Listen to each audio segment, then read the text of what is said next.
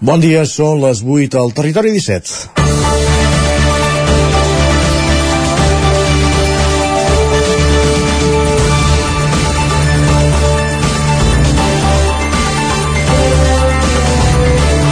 les 9. Són les 9, ara mateix passen 20 segons del punt de les 9, engeguem al territori 17. L'investigador del Consell Superior d'Investigacions Científiques, el CSIC, Xavier Carol, definia l'ozó com un contaminant desgraciat.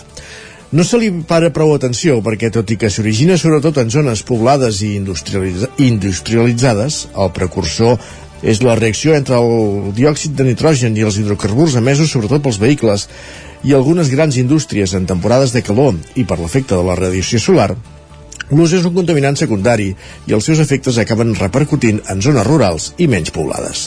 Hi ha, per tant, una deslocalització de la contaminació. Afecta territoris que no la produeixen. Això fa que no acapari grans titulars ni estigui en les primeres pàgines de les agendes de l'administració reduir aquest tipus de contaminació de l'aire. La plana de Vic és una de les zones d'Europa que registra més episodis de nivells d'ozó per sobre del límit legal permès i per això caldria que des del territori es fos més valent a l'hora de reclamar plans eficaços per fer-hi front. Cal tenir en compte que la inhalació d'ozó troposfèric té efectes en la salut de les persones. Provoca irritació als ulls i les vies respiratòries superiors, redueix la funció pulmonar i augmenta el risc de malalties respiratòries agudes com l'asma i les inflamacions pulmonars i pot agreujar patologies cardiovasculars. També afecta la vegetació i el creixement dels boscos, així com la productivitat de molts cultius agraris. Ara, finalment, hi ha una sentència de la Sala Contenciosa Administrativa del Tribunal Superior de Justícia de Catalunya que obliga la Generalitat a elaborar, aprovar i publicar, com més aviat millor, plans de millora de la qualitat de l'aire a les zones de Catalunya més afectades per aquesta contaminació. Pels grups ecologistes, aquesta sentència crea un precedent a tot l'Estat, ja que és la primera vegada que un tribunal es pronuncia contra la manca d'aquests plans. Durant la pandèmia es va poder comprovar que quan a l'àrea metropolitana no hi havia tant moviment de vehicles de combustió, a la plana de Vic no es patien aquests episodis. Amb els sistemes actuals de control de la qualitat de l'aire i les previsions meteorològiques, és possible avançar-se i saber quan hi ha risc. Quan es doni el cas, s'haurien de reduir les emissions de diòxid de nitrogen i els hidrocarburs a l'àrea metropolitana. La situació actual provoca una discriminació per als que patim els efectes de la contaminació que provoquen els altres. És dimecres 18 de gener de 2023, en el moment de començar el Territori 17, a la sintonia de la veu de Sant Joan, Ràdio Cardedeu, Ona Codinenca, Ràdio Vic, el 9 FM i també, ja ho sabeu, ens podeu veure a través del 9 TV, Twitch i YouTube. Territori 17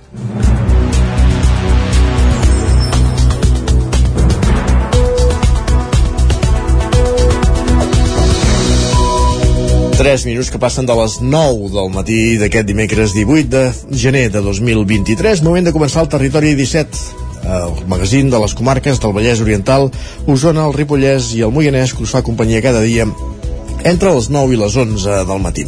En aquesta primera mitja hora, en el moment d'arrencar, el que farem serà dedicar-nos a explicar-vos les notícies més destacades de les nostres comarques, en connexió amb les diferents emissores del territori 17, a fer un cop d'ull a la previsió del temps i anirem també al quiosc a veure quines són les portades dels diaris del dia. A l'entrevista anirem fins a la veu de Sant Joan, al Ripollès, allà ens esperarà l'Isaac Muntades amb l'Agustí Mas i la Mònica Jaume d'Òmnium Ripollès sobre la campanya per fomentar l'ús del català al al comerç i en diversos àmbits a la comarca. Arribarem al punt de les 10 amb, el, amb radioteatre, amb un nou capítol de l'Hostal de la Glòria, aquesta proposta de radioteatre, valgui la redundància, en el que produït amb motiu del centenari del naixement de l'actriu manresana Maria Matilde Almendros. Al punt de les 10 serà un moment de repassar les notícies més destacades del Vallès Oriental, l'Osona, el Ripollès i el Moianet, les comarques del territori 17, fer un cop d'ull a la previsió del temps i anirem fins al territori sostenible. Tot seguit amb en Jordi Givert a conèixer propostes iniciatives interessants a casa nostra. Al punt de dos quarts d'onze serà el moment de capbussar-nos a Twitter amb en Guillem Sánchez, la secció de llengua avui amb la Cristina Enfruns, com que ens acompanya cada 15 dies, i acabarem el programa Lletra Ferits parlant de llibres avui amb Clara Clavell des de Cardedeu en companyia d'en Pol Grau. Per tant, aquest és el menú del Territori 17 d'avui, moment de començar amb les notícies més destacades de les nostres comarques.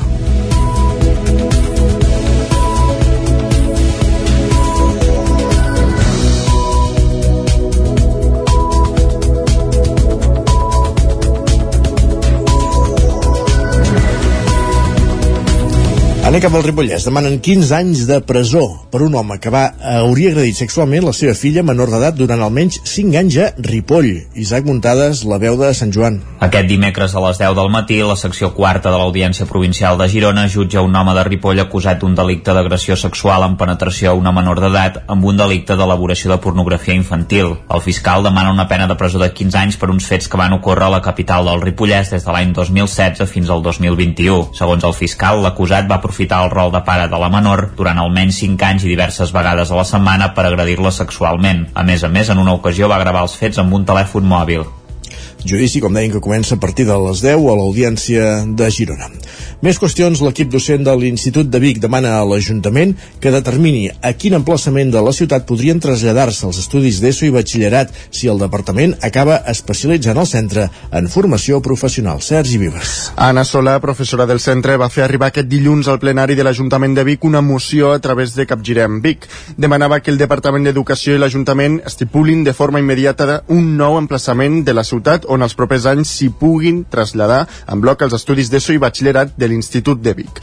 Tenir un nou edifici, segons l'equip docent, és l'única fórmula que els permetria fer una transició ordenada i alliberar-se de la incertesa que suposa per tota la comunitat educativa les intencions posposades però no enterrades del Departament d'Educació de convertir l'Institut de Vic en un centre especialitzat en formació professional, un escenari que comportaria la fi de l'ESO i el batxillerat al centre, una petició que Solà resumia en tres punts.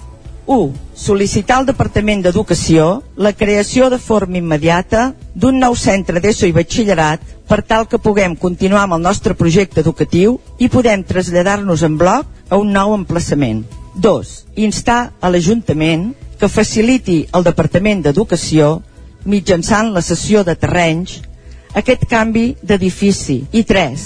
Demanar que la planificació de l'ensenyament públic de la ciutat de Vic sigui transparent, una petició que va comptar amb el suport de tots els grups de l'oposició. La regidora d'Esquerra, Maria Blasc, afirmava que hi votarien a favor. Nosaltres, evidentment, hi votarem a favor. Creiem que, que tot el que demaneu és, és lògic i, i, és, i és adequat. Uh, sí que havíem demanat que allà on vosaltres dieu traslladar en bloc ens hagués agradat doncs, que afegir-hi sempre que la planificació escolar ho permeti per altra banda, el regidor de Capgirem-Vic, Marc Camacho, feia pública l'oposició al tancament de les línies d'ESO i batxillerat del centre. Refirmem el nostre compromís en dir ben alt no al tancament de les línies de secundari i batxillerat a l'Institut de Vic i el nostre compromís a exigir al Departament d'Educació de la Generalitat de Catalunya la projecció d'un tercer centre a la ciutat per tal que es pugui traslladar en bloc tots els ensenyaments de secundari i batxillerat i també de l'equip del govern. Elisabet Franquesa, regidora d'Ensenyament del Consistori Bigatà, va posicionar-se una vegada més al costat de la comunitat educativa de l'Institut de Vic. Estem totalment d'acord amb el treball que s'està fent des del centre. I així volem que sigui. Que segueixi tot aquest treball educatiu per l'excel·lència educativa. Que el dia a dia a les vostres aules del centre sigui excel·lent i que el projecte educatiu del vostre centre en cap cas es perdi pel camí. Aplaudiments a la sala de plens posaven punt i final a la moció que va comptar amb el suport unànime del ple.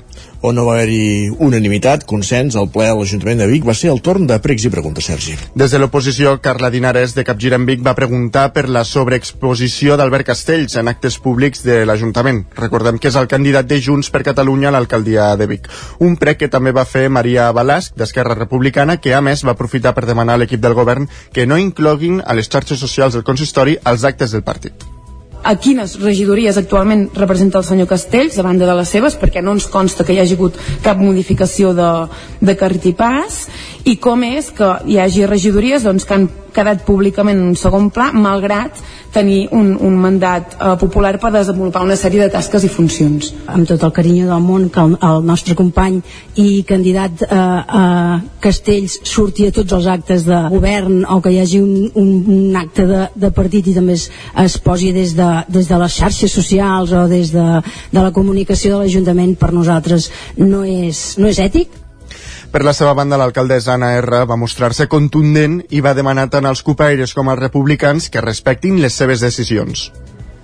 Anna R. ha estat alcaldessa de Vic en els darrers anys, una ciutat on sempre hi ha governat Convergència i Unió i més tard Junts per Catalunya. De, per les eleccions municipals del maig hi ha fins a vuit formacions polítiques que podrien lluitar per l'alcaldia. L'anunci de l'actual alcaldessa de Vic, Anna R, de no tornar-se a presentar després de 4 anys de majoria absoluta i de 8 a l'alcaldia deixa un escenari ple d'incògnites per les eleccions municipals. Ja fa mig any que Junts va presentar el relleu d'R, l'actual regidor de Manteniment i Serveis i Medi Ambient, Albert Castells, per donar-li més visibilitat i poder mantenir una alcaldia que l'entorn convergent té des de fa 45 anys. Quatre dècades i mitja que altres formacions entenen com una necessitat de canvi. Esquerra intentarà capitanejar el canvi de nou amb Maria Balàs. Capgirem Vic encara no ha anunciat qui liderarà la candidatura, però sí que després de dos mandats recuperarà les sigles de la CUP.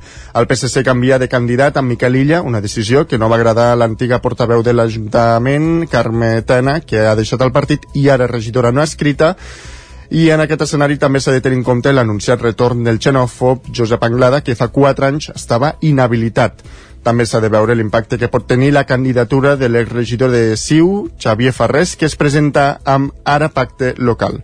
També voldran obtenir un, de nou representació al consistori Bigatà, als comuns i al Partit Popular. Aquesta és, doncs, la situació política a Vic per les eleccions municipals de maig més qüestions. Canviem d'espai, de, de, perquè l'exalcaldessa de Viladrau, Margarida, i actual vicepresidenta tercera del Consell Comarcal d'Osona, Margarida Feliu, entrarà finalment al Parlament com a diputada d'Esquerra Republicana. Ho farà en substitució de l'exconseller Shakir Al-Hormani, que la setmana passada va anunciar públicament la seva voluntat de deixar la política per reincorporar-se a la seva anterior feina professional. Fons del partit expliquen que en els propers dies Feliu tramitarà les credencials necessàries davant la Junta Electoral i un cop s'expedieixin al Parlament s'unirà al grup parlamentari dels republicans. La previsió és que l'exalcaldessa de Viladrau s'hi incorpori la setmana vinent. Amb Feliu seran quatre els representants osonencs a la cambra catalana. També hi ha Anna R de Junts per Catalunya i Ramon Espada Espadaler i Marta Moreta del PSC. Més qüestions, aquí també encara hi ha un diputat de, dels comuns, Marc Parés, per tant són cinc els usonencs que hi ha actualment a la cambra catalana. Detingut el conductor de l'accident mortal de la, a la carretera de Cardedeu perquè tenia el carret carnet suspès judicialment. Pol Grau, Ràdio Televisió Cardedeu. El conductor del cotxe accidentat dilluns a la tarda a la carretera de Cardedeu, a la sortida de la carretera de Marata, tenia el carnet de conduir suspès judicialment fins al 2024 per una alcoholèmia positiva, segons han confirmat els Mossos d'Esquadra.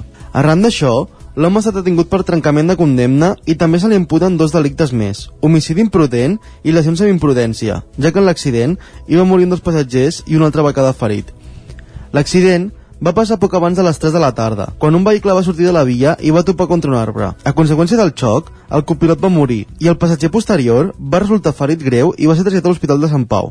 El conductor, ara detingut, va resultar ferit menys greu i va ser traslladat a l'Hospital de Granollers. La investigació continua oberta, entre d'altres per identificar la persona morta amb una necroressenya, ja que, segons han explicat els Mossos, tant el conductor com l'altre passatger asseguren que no coneixien de res el copilot, ni tan sols com es deia, i tampoc no havia cap tipus de documentació a sobre. El conductor, a més, acumula múltiples antecedents delictius. I encara al Vallès Oriental, Sant Feliu de Codines viu la primera festa de Sant Antoni Abat postpandèmica amb carrers i places plens. Roger Rams, Ona Codinenca. Sí, ahir dimarts es va celebrar la festa de Sant Antoni Abat a Sant Feliu de Codines, també anomenada la Festa Major d'hivern. El tret de sortida va ser a dos quarts de set del matí amb el llançament de coets i l'esmorzar de torrades a la plaça Josep Humbert Ventura. Seguidament es va fer la missa solemne i la passada dels tres toms amb cavalls, tractors i maquinària agrícola engalanada de tot tipus desfilant pels carrers del poble. Al punt de les dues del migdia tenia lloc un dels esdeveniments més destacats d'aquesta festivitat, la clàssica dansa de Sant Antoni amb una gran expectació per part del públic i una plaça del poble plena de gom a gom. Escoltem ara el testimoni d'alguns dels joves que han participat en guany en aquesta dansa de Sant Antoni. No, jo porto ja, aquest és el meu tercer any i ja em falta un mes i ja em retiro, però molt bé, molt divertit sempre, eh, amb l'ambient de la plaça, home, és, és el millor. Al principi estava molt nerviosa, ahir em va costar molt dormir-me perquè tenia molts nervis i bueno, tot el dia amb nervis fins que he entrat aquí a la plaça que se m'ha oblidat tot i m'ho he passat superbé. O sigui, tenia molta pressió i ha sigut aquí, ha sigut un festival i molt guai, m'ho he passat molt bé. Jo crec que la conclusió de les dues ballades és que és diferent assajar amb la música de l'altaveu que l'orquestra. Vull dir, acabes liat i a part jo amb el ritme soc molt dolent vull dir, anava, tots anaven amb el dret i amb l'esquerra i així anar fent i bueno, i fent el que es pot vull dir, he fet el que he pogut i fer-ho que hagi almenys fet gràcia, que és la intenció la proximitat amb les eleccions municipals també s'ha percebut durant la festa de Sant Antoni a Sant Feliu de Codines. A més de l'habitual presència de polítics locals, la festa ha comptat amb visites de polítics de fora del municipi. Per exemple, l'alcaldessa Mercè Serratacó, recentment nomenada cap de llista per Esquerra, ha estat acompanyada per l'alcalde de Caldes de Montbui, Isidre Pineda, i la seva primera tinent d'alcaldia a la Vila Termal, Núria Carné. La candidata de Junts per Catalunya a Sant Feliu, Anna Vilarrassa, ha estat acompanyada per qui va ser presidenta del Parlament, Parlament, Laura Borràs, que ha estat present a la benedicció, als Tres Toms i també a la ballada de la dansa, on diversos veïns i veïnes han volgut fer-se fotos amb ella. Altres candidats de Junts a la zona, com Roser Xalabarder de Caldes, s'han unit també a la comitiva de Borràs, que així valorava la importància d'aquesta festa. Sabeu que he fet sempre una reivindicació de tota la cultura, de no deixar-nos res, de no deixar-nos la cultura popular, de no deixar-nos aquestes uh, tradicions que ens expliquen el poble treballador de la terra, pagès, de ramader, i per tant aquí que el fet que hi hagi el ruc, però que hi hagi tota mena d'animals, doncs ens explica com ha estat el nostre país i per tant això naturalment que és cultura i que cal reivindicar-ho. La jornada va posar a punt i final amb el concurs de dibuix infantil i el ball al vespre al Centre Cívic La Fonteta.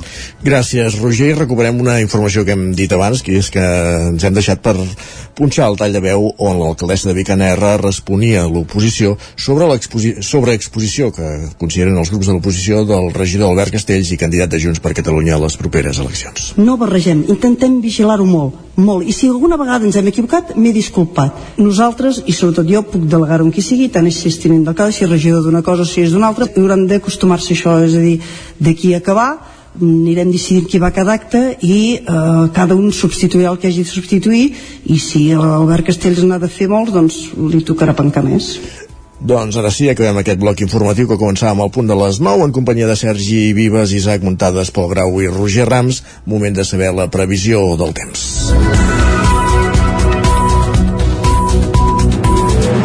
I ja sabeu que el temps és cosa al territori 17 d'en Pep Acosta, per tant, com que ja ens espera una codinenca, cap allà que anem.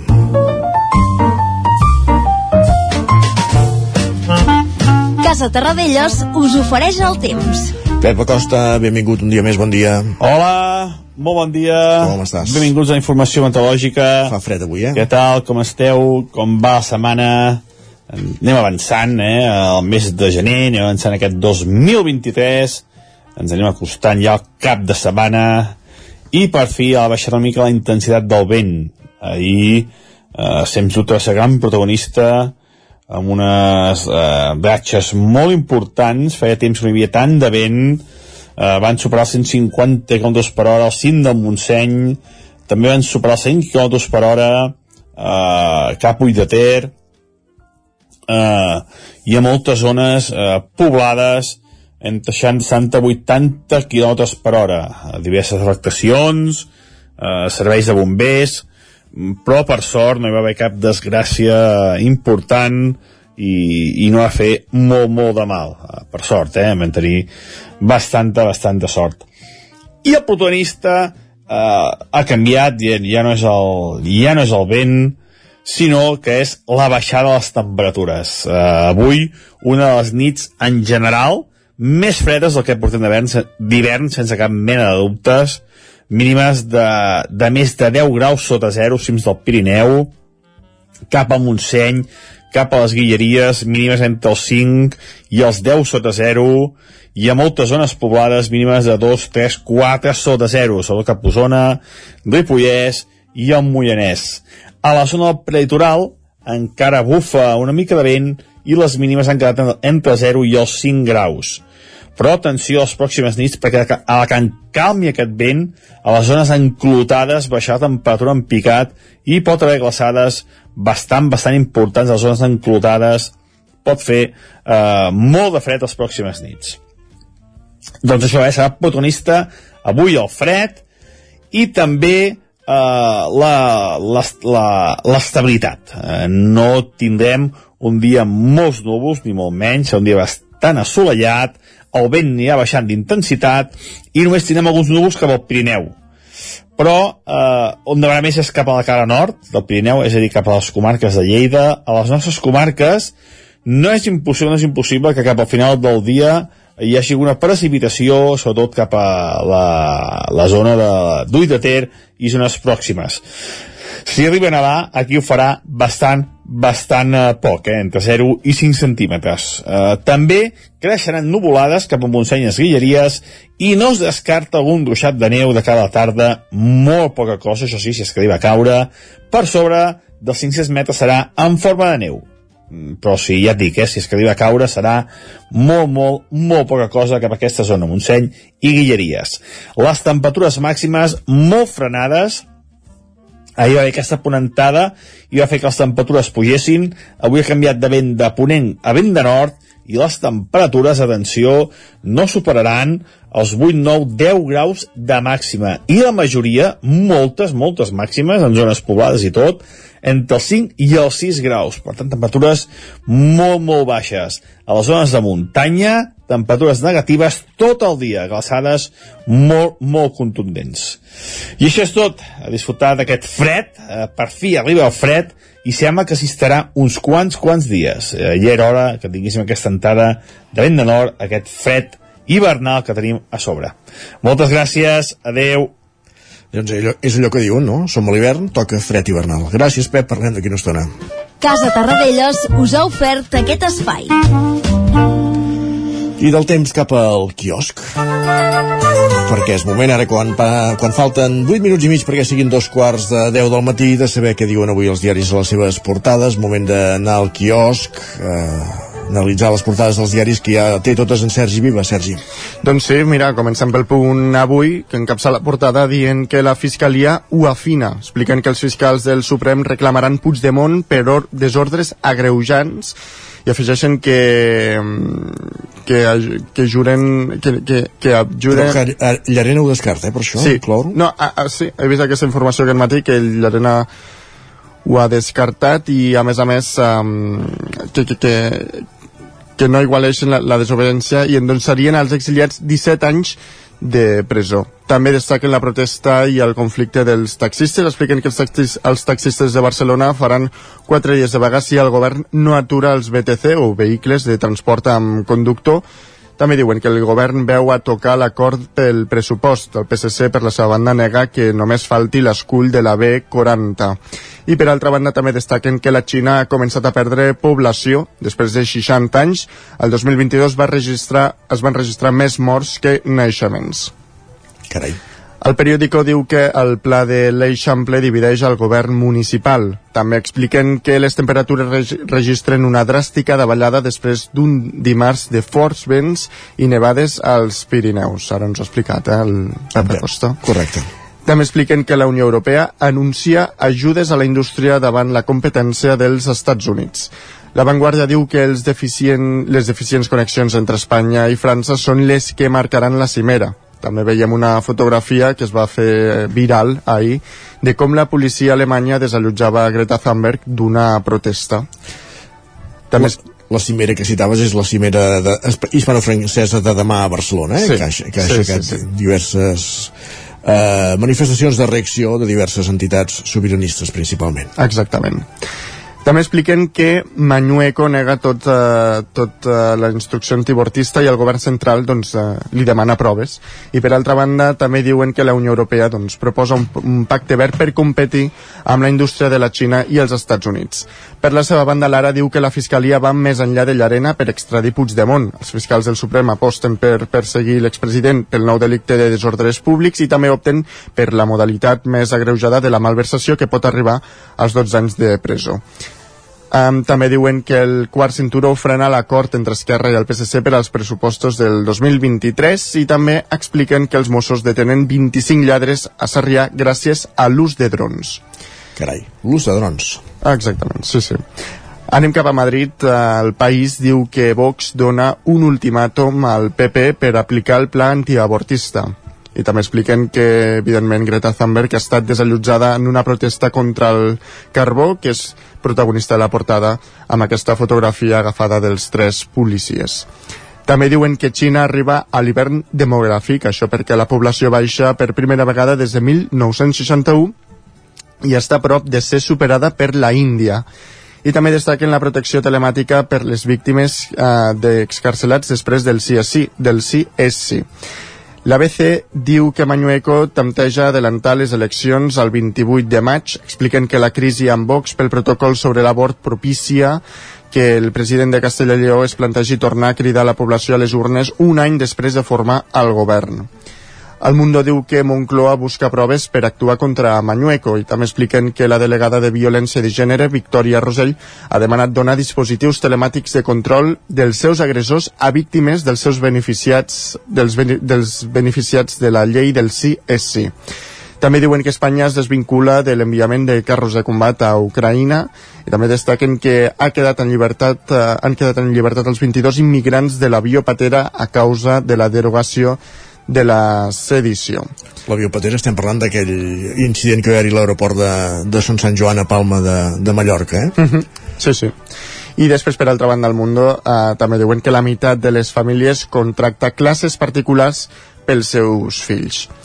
La Razón diu que Genova seu a l'espera que Vox trenqui el pacte a Castella i Lleó. També expliquen que von der Leyen, la presidenta de la Comissió Europea, incideix pel, per un club de matèries primes amb Estats Units, Canadà i Regne Unit. I també diuen que el govern central degrada, a, degrada informar la taula del diàleg amb el de, degrada a informal la taula del diàleg amb el govern català. Molt bé, tenim 30 segons per repassar els titulars del 99.cat, comencem per l'edició d'Osona i el Ripollès. Doncs mira, ens trobem que Torelló trasllada la biblioteca al barri de Montserrat un any i mig. Molt bé.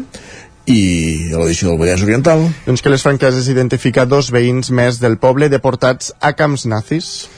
Doncs són titulars que podem llegir avui al quiosc, també a l'espai digital, en aquest cas al 99.cat. Amb el quiosc fem una petita pausa de 3 minuts i tornem amb la resta de continguts d'avui al Territori 17. Fins ara mateix. El 9 FM, la ràdio de casa, al 92.8. No t'ho creuràs. M'ha trucat el servei tècnic oficial de Saunier Duval perquè han detectat a distància que li falta aigua a la caldera. Era a casa i no me n'havia adonat. I què has fet? Res, perquè el meu servei de manteniment Mi Saunier Duval Connect m'ha donat una solució en qüestió de minuts. Informeu-vos a connectivitat.saunierduval.es. Saunier Duval, sempre al seu costat. Vols rebre alertes sobre el teu consum d'aigua? Amb l'app i l'oficina virtual d'Aigües Vic podràs seguir el teu consum d'aigua, fer tràmits i consultar la teva factura. Activa't! Entre tots podem fer un consum més responsable de l'aigua. Més informació a aigüesvic.com Has esperat que arribi el fred per comprovar si et funciona bé la caldera? No pateixis, a Casa Jové som especialistes en manteniment, reparació i revisió d'equips d'aigua calenta i calefacció, tant en l'ambient domèstic com industrial. Si tens una avaria, no ho dubtis. Som Casa Jové. Ens trobaràs al carrer Girona, número 9 de Vic i al telèfon 93 886 1596. Casa Jové, el teu servei tècnic de confiança. Bon dia, són les 9 al Territori 17. La Miquel Parella Cada, cada matí i durant dues hores t'acompanyem i et posem al dia de l'actualitat de casa nostra. Potenciant així l'autonomia En aquest cas me la el si no... Cursos per feminitzar el pensament masculí. Territori 17, el magazín matinal d'Osona, el Moianès, el Ripollès i el Vallès Oriental. Que la meva àvia de 93 el anys... 9 FM, el 9 TV, el 99.cat i també els nostres canals de Twitch i YouTube. Demà per fer-se un tatuatge. Cada matí, Territori 17. Ole. Cocodril Club. Si t'agrada la bona música dels anys 60, 70 i 80, escolta el 9 FM els matins de dissabtes i diumenges d'11 a 1. És el temps del Cocodril Club, tot un clàssic de la ràdio, amb les bases del pop-rock, les llegendes, les cançons que s'han convertit en autèntics himnes. Recorda, dissabtes i diumenges al matí, d'11 a 1, al 9 FM 92.8. Cocodril Club, el programa revival de l'Albert Malla. Hasta luego, cocodrilo. Anuncia't al 9 FM. La màquina de casa. 9 3 8 8 9 4 9 4 9. Publicitat arroba al 9fm.cat. Anuncia't al 9FM. La publicitat més eficaç. Bon dia, són les 9 al Territori 17. La Miquel Parella, comptable. Cada matí i durant dues hores t'acompanyem i et posem al dia de l'actualitat de casa nostra. Potenciant així l'autonomia En aquest cas me la peça el si no... Cursos per feminitzar el pensament masculí. Territori 17, el magazín matinal d'Osona, el Moianès, el Ripollès i el Vallès Que Oriental. la meva àvia de 93 El anys... 9 FM, el 9 TV, el 99.cat i també els nostres canals de Twitch i té YouTube. demà per fer-se un tatuatge. Cada matí, Territori 17. Ole! El 9 FM, el 9 FM, el 9 FM, el 9 FM, el 9 FM. Territori 17.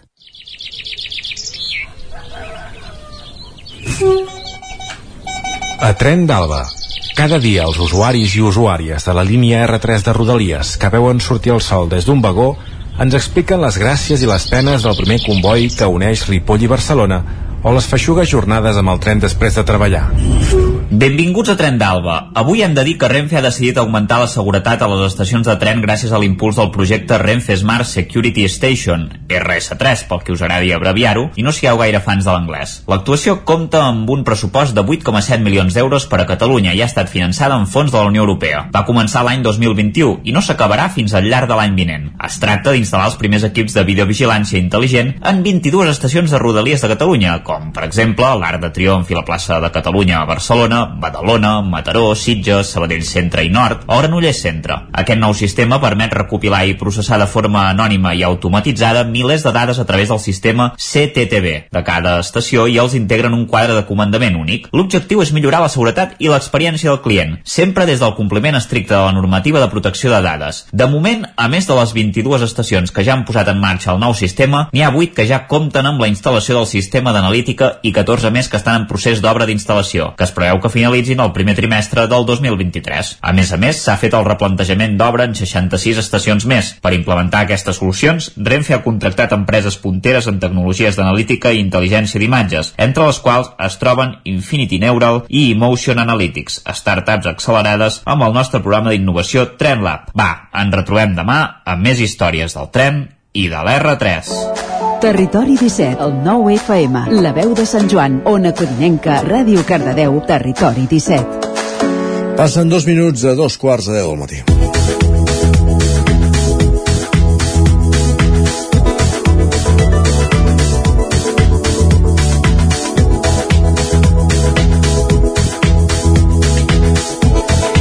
El passat mes d'octubre, Òmnium Cultural del Ripollès ha posat en marxa un concurs per fomentar les bones pràctiques en l'ús del català a la comarca.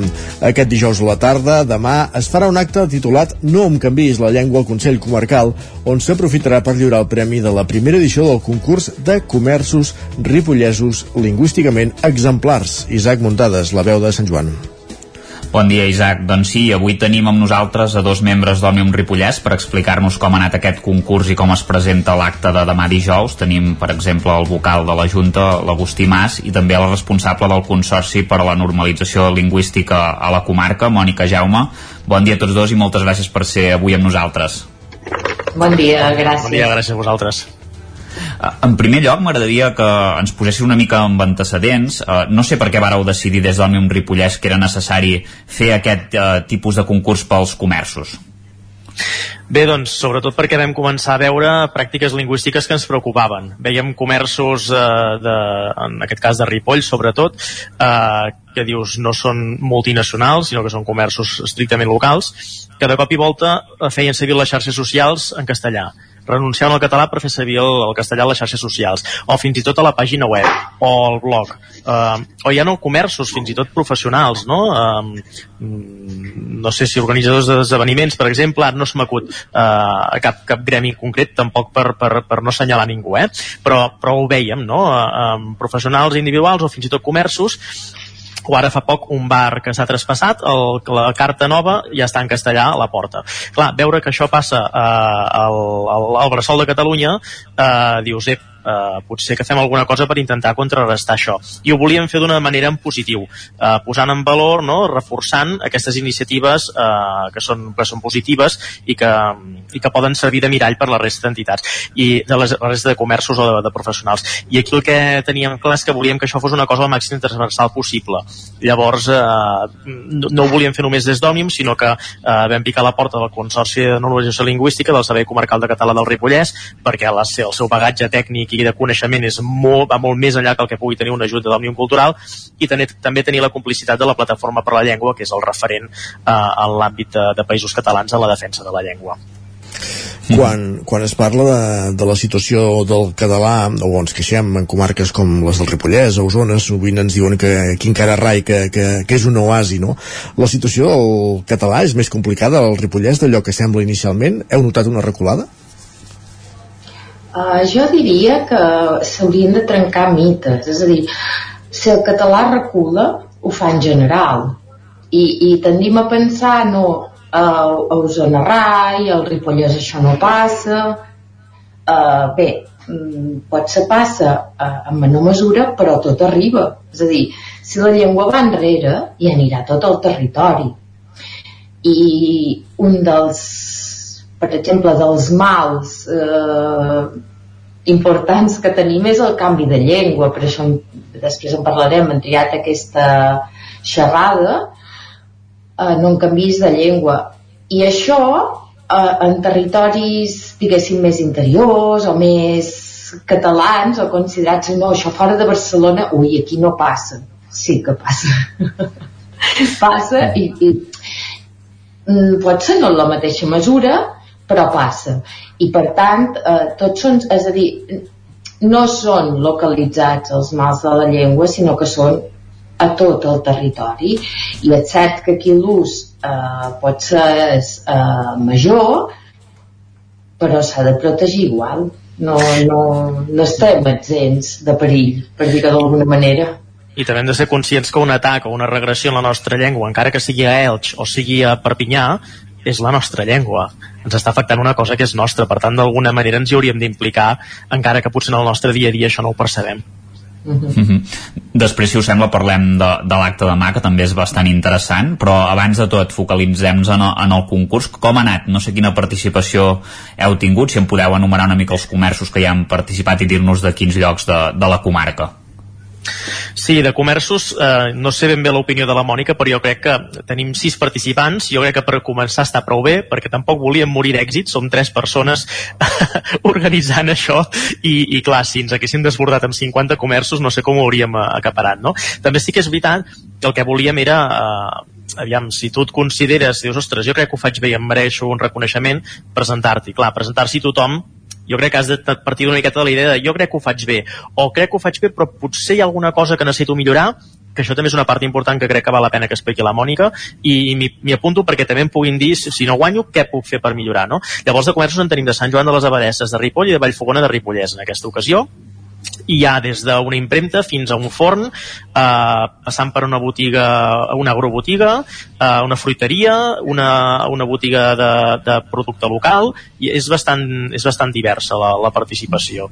I, I sobretot això, que hi ha un guanyador, també podem anunciar que hi haurà una menció especial perquè hi ha un comerç que hem trobat que ho fa molt bé, eh, però com que les bases parlaven d'un sol guanyador, doncs hi havia un sol guanyador, llavors ha fet aquesta menció especial, i tots dos mm -hmm. establiments tindran un distintiu que podran enganxar a la porta com a establiments eh, lingüísticament exemplars del Ripollès, i, i llavors això, per, per tots plegats, per fins i tot pel guanyador, hi ha indicacions que amb aquests informes que hem preparat de retorn, eh, Mònica?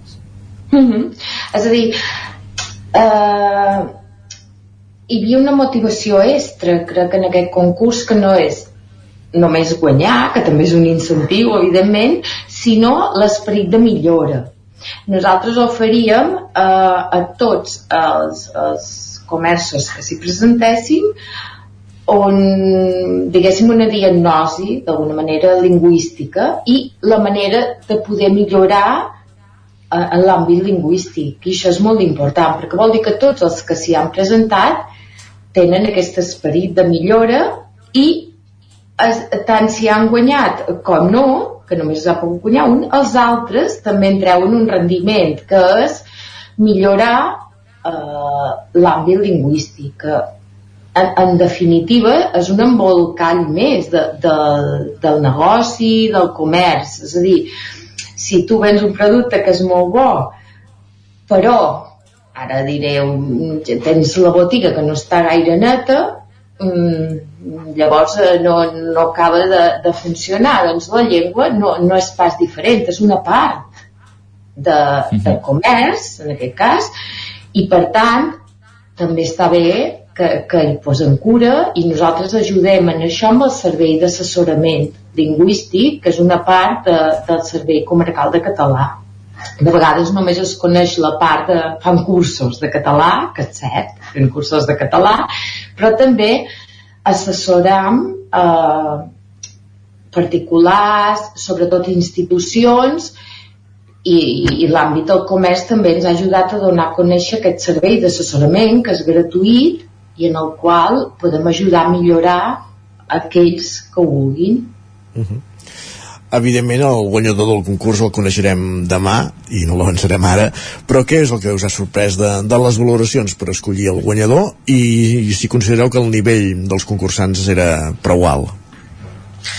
Uh, home, el nivell de nhi perquè ha sigut complicat, ens hem senyit a paràmetres molt objectivats eh, a l'hora d'escollir de, el guanyador, no era una sensació de percepció d'un jurat, sinó que nosaltres vam establir uns criteris que formen part de les bases amb unes puntuacions i vam aplicar de forma estricta això per veure qui guanyava. Llavors, a més a més, també el que miràvem és uh, no perquè un comerç tingui xarxes socials, pàgina web, blog i faci uh, desplegables que el reparteixi per les bústies, uh, té més punts que un altre, sinó que dins de cada paràmetre fèiem la mitjana aritmètica i llavors, per tant, un comerç que tingués pocs materials o poca, pocs eh, documents o que, que, que produís poc no el penalitzava.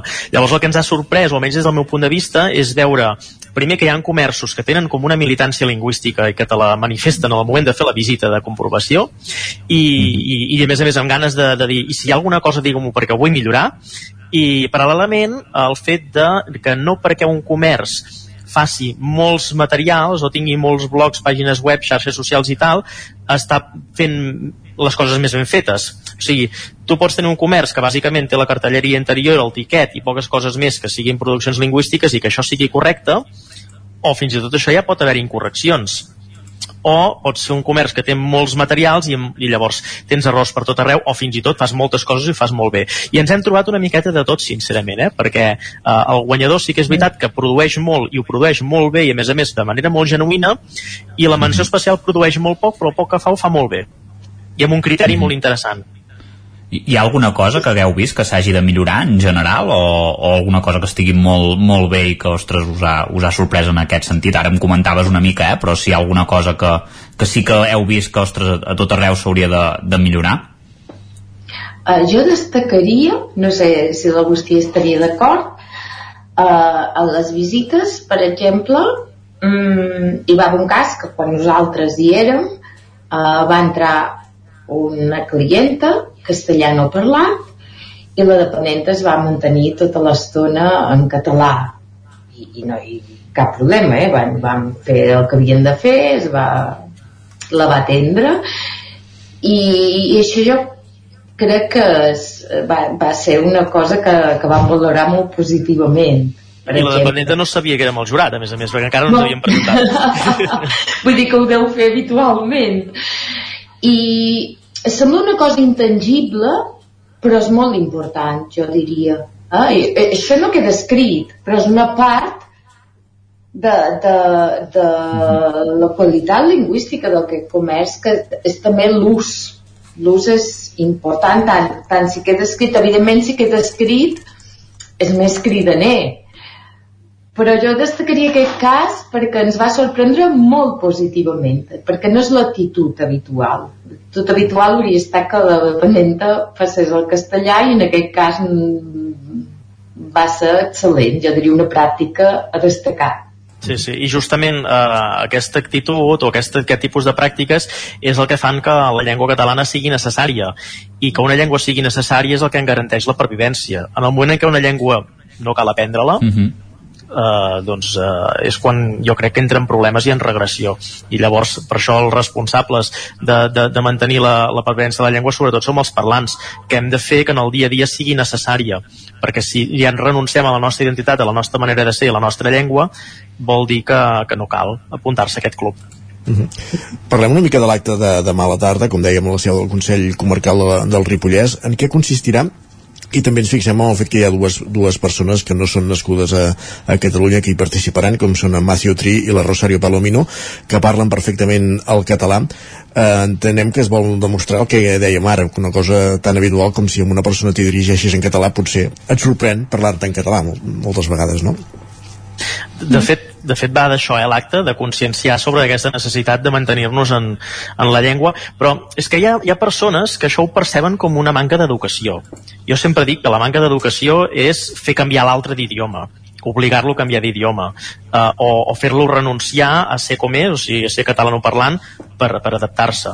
I, i, I de fet, eh, el, que, el que es vol explicar amb aquest acte i a més a més en primera persona amb, aquestes, amb aquests protagonistes com la Rosario o en Matthew és que quan una persona intenta o fa aquest esforç per, per integrar-se en, una, en una societat si aquesta societat no li reconeix aquest esforç. O sigui, si jo intento aprendre català per sentir-me un més de vosaltres i vosaltres em tanqueu la porta als morros i no em parleu en català, és com que m'esteu dient no, tu no pots ser com nosaltres, tu no pots ser dels nostres.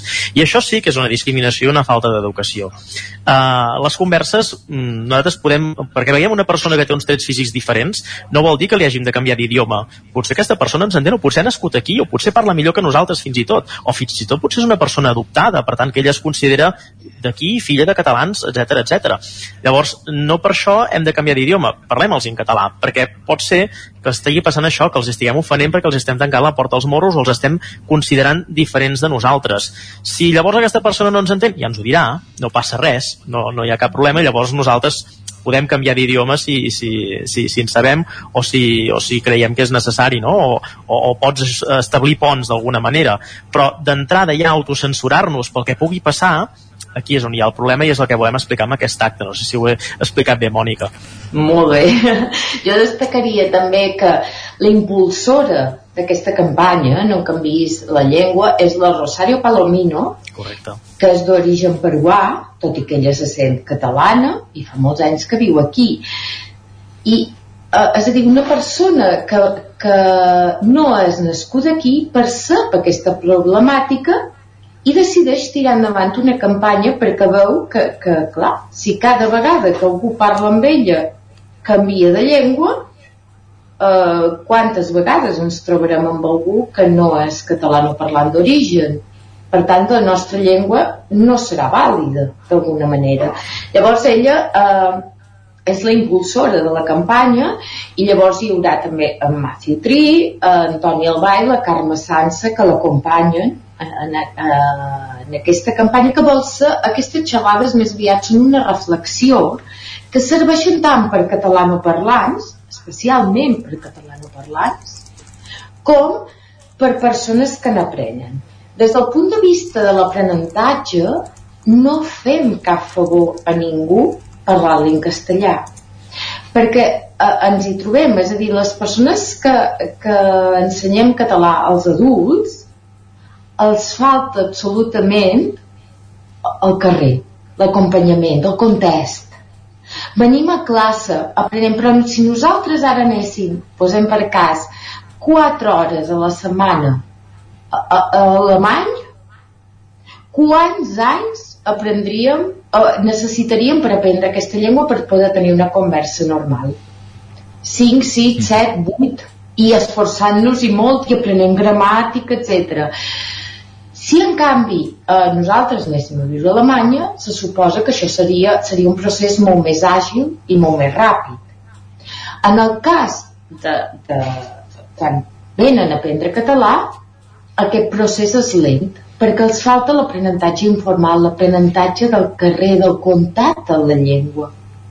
I llavors, clar, això fa que sigui lent, feixuc, eh, ells en diuen difícil, Uh, no, és que ens falta, uh, és a dir, hi ha una part que no funciona i és la part social la part lingüística. Si, si una persona canvia de llengua no passa res, però és un hàbit social.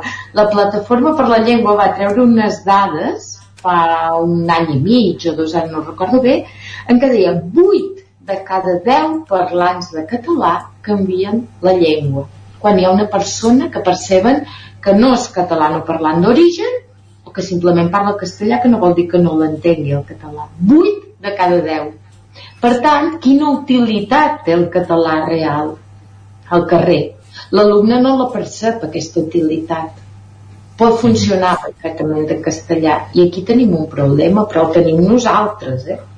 Ara m'has fet pensar, Mònica, en unes dades que van sortir potser fa 5 o 6 anys de comerços de Barcelona d'un altre fenomen que passa, que ara ja passa que molts llocs et parlen directament en castellà perquè com que no saben quin idioma parles, els hi fa por parlar-te en català, vés a saber què, què pugui passar, no? No entenc ben bé per què ho fan. Però van sortir unes dades que crec que també eren de la, la plataforma per la llengua fa uns, uns 6-7 anys, que deia que més de la meitat de les converses que es comencen als comerços de Barcelona acaben passant-se al català. Comencen en castellà i a base de parlar s'adonen que tots són catalanoparlants i acaben passant-se al català. Per tant, estem fent un pas absurd. Comencem una conversa en castellà que acaba sent en català. Potser si la comencessin directament en català seria un acte més de Mhm. normalitat, no? No de com que ens transvestim perquè sortim al carrer i ai, ai, ai, no, no vull ser jo, no fos cas que algú li ofengui ser com sóc i resulta que tots som iguals, no? La qüestió és, com, com bé deia o abans, com bé apuntaves abans, Agustí, és en, entendre's i, i, i sí que hi ha una línia vermella que és la, la, la mala educació, que és quan pretens con- la llengua a l'altre però la qüestió és, és entendre's com bé demostrau amb l'escena que heu descrit abans de, de la botiga. Isaac, última pregunta. Sí, ràpidament, també està previst que feu algun altre tipus de concurs, que no, no ho hem dit, però en aquest concurs hi havia un premi de, de 600 euros pel, pel guanyador. Uh, hi ha algun concurs, no?, a l'horitzó, ràpidament, no sé si em podeu explicar alguna Sí. cosa. Estem, estem treballant eh, ja fa temps, eh, perquè clar, ens hem encallat amb aquest altre concurs que ens ha portat molta feina, més del que ens pensàvem potser, però preparàvem un, un concurs eh, de joves exemplars eh, o joves influents en les xarxes socials que puguin ser exemplars en català. El que passa que això, de fet, i ara li faig una, un, avança, un avançament a la Mònica que no, que no n'havíem parlat encara, és que Òmnium Cultural i també, a més a més, la Corporació Catalana de Mitjans Audiovisuals estan muntant algun concurs molt semblant.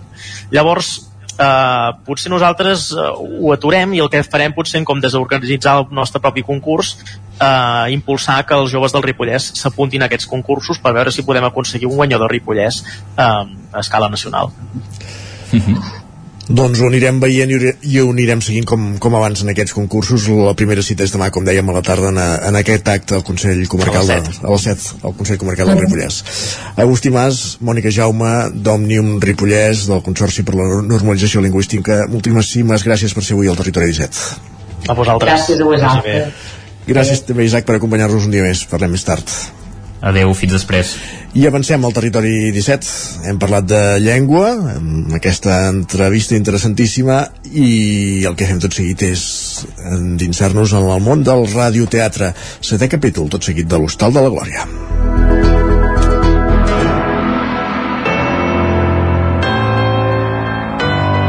Territori, Territori 17. 17.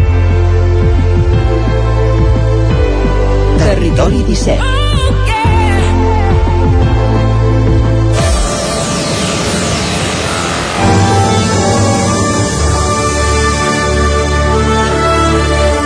L'Hostal de la Glòria, poema dramàtic de Josep Maria de Sagarra en adaptació per a radioteatre de Carles Claret Vilaseca.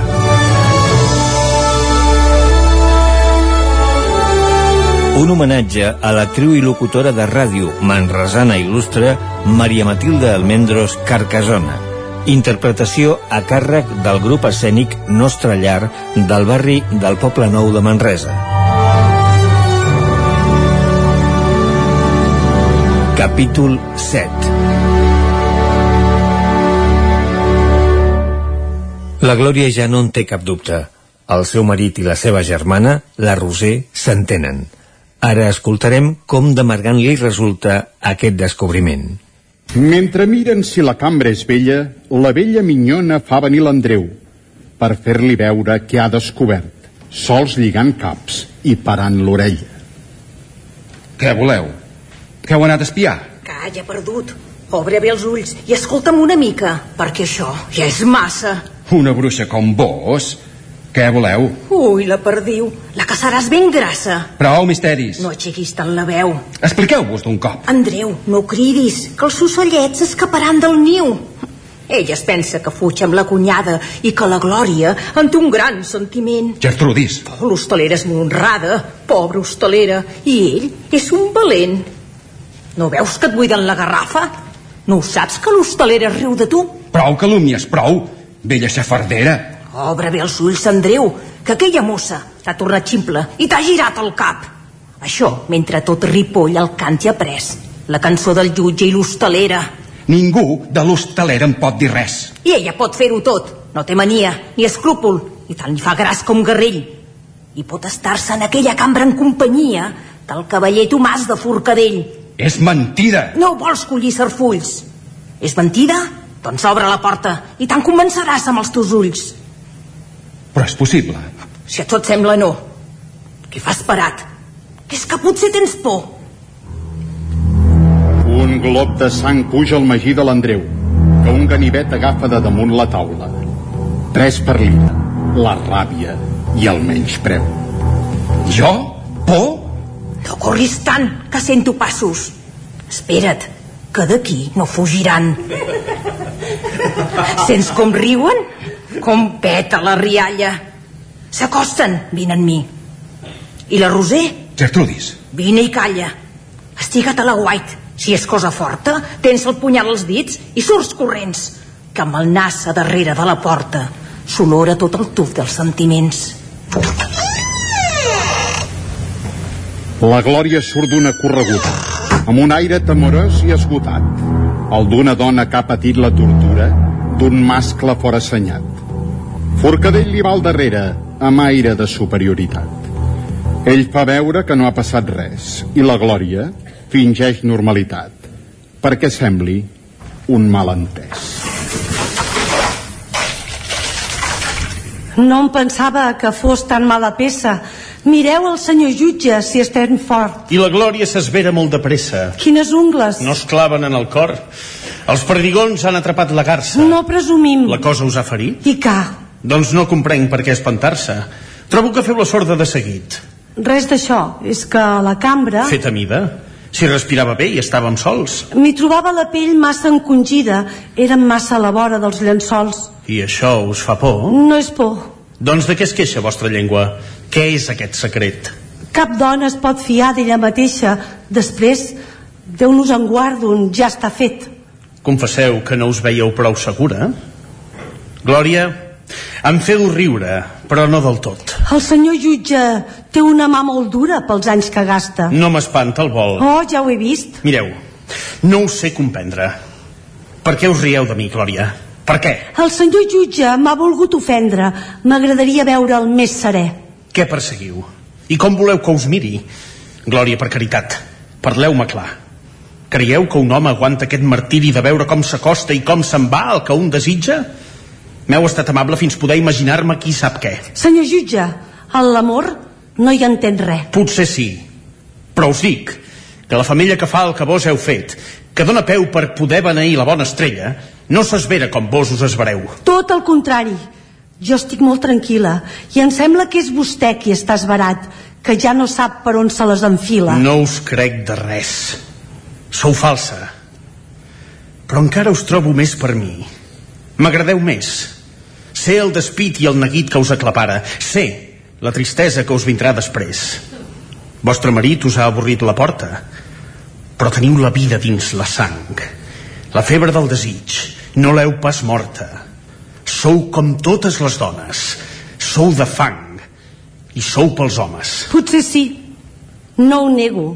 Però segons per quins homes? Què heu de dir? Glòria, per caritat, jo us ho prego. Si m'heu perdut, doncs no us rigueu de mi. Senyor jutge, és ben cert que estic ferida i que m'han fet molt mal. No ho nego pas, que espero poques coses de la vida i encara de més poques puc fer cas. Però comprengui que si un dia em resta sols un pols d'alegria dintre el pit, amb el que em plagui, Jo faré la festa. Voleu dir que no sóc vostre partit? No és ben bé això. Que tinc la pell rasposa? El senyor jutge és un cervell del bat. Vull dir que jo no sóc tan generosa d'estimar com qui diu per caritat. Teniu el sentiment d'un escarràs. Sou la dona d'hostal. Si ja m'agrada. És per aquí que voleu que ens avenim? Teníeu por de no ser ben pagada? Jo sóc un jutge que no miro prim. Voleu cobrar per endavant? Ui, ja podeu cantar dalt de les trones. El senyor jutge sap millor cançó i sap el senyor jutge que hi ha dones que pels diners no tenen mai un no. Vaja, prou! Hostalera del diable, et dic que prou. No em desesperis més. Fins a aquest punt m'heu de voler encerar? Jo ja sé prou que si una puça salta, salta perquè té ganes de picar. L'hostalera, que té el clatell per geure, que sap en quin borni es juga el vi, tal dia com avui, em vol fer creure que tragina uns ronyons de paper fi. No vull fer creure res. Tant se me'n dona que s'ho cregui o que s'ho empassi. M'és igual, però no m'insulti. Jo no sóc res. Jo no entenc de sermons ni de justícia, però tinc més vergonya que vostè.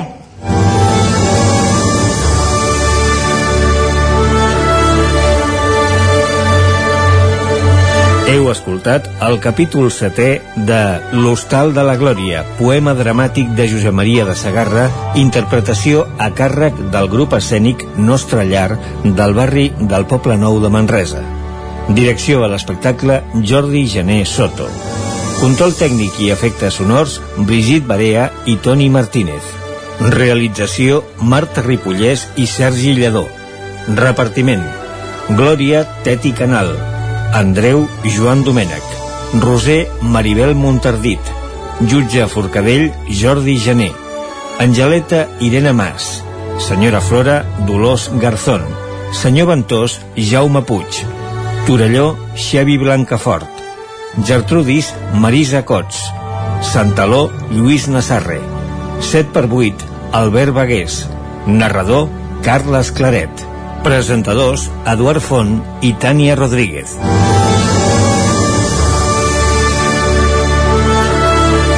Agraïments a l'Ajuntament de Manresa, Ràdio Manresa, El Galliner i Manresana d'Equipaments Escènics Teatre Cursal.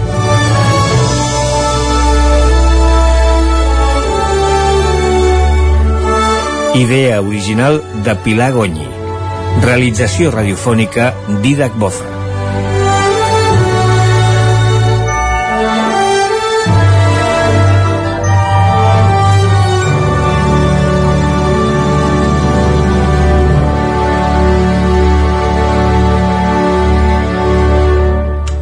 L'Hostal de la Glòria, al territori 17. La setmana vinent, vuitè i últim capítol, el desenllaç. I ara, quan passen dos minuts del punt de les 10, ens actualitzem al territori 17. Territori 17.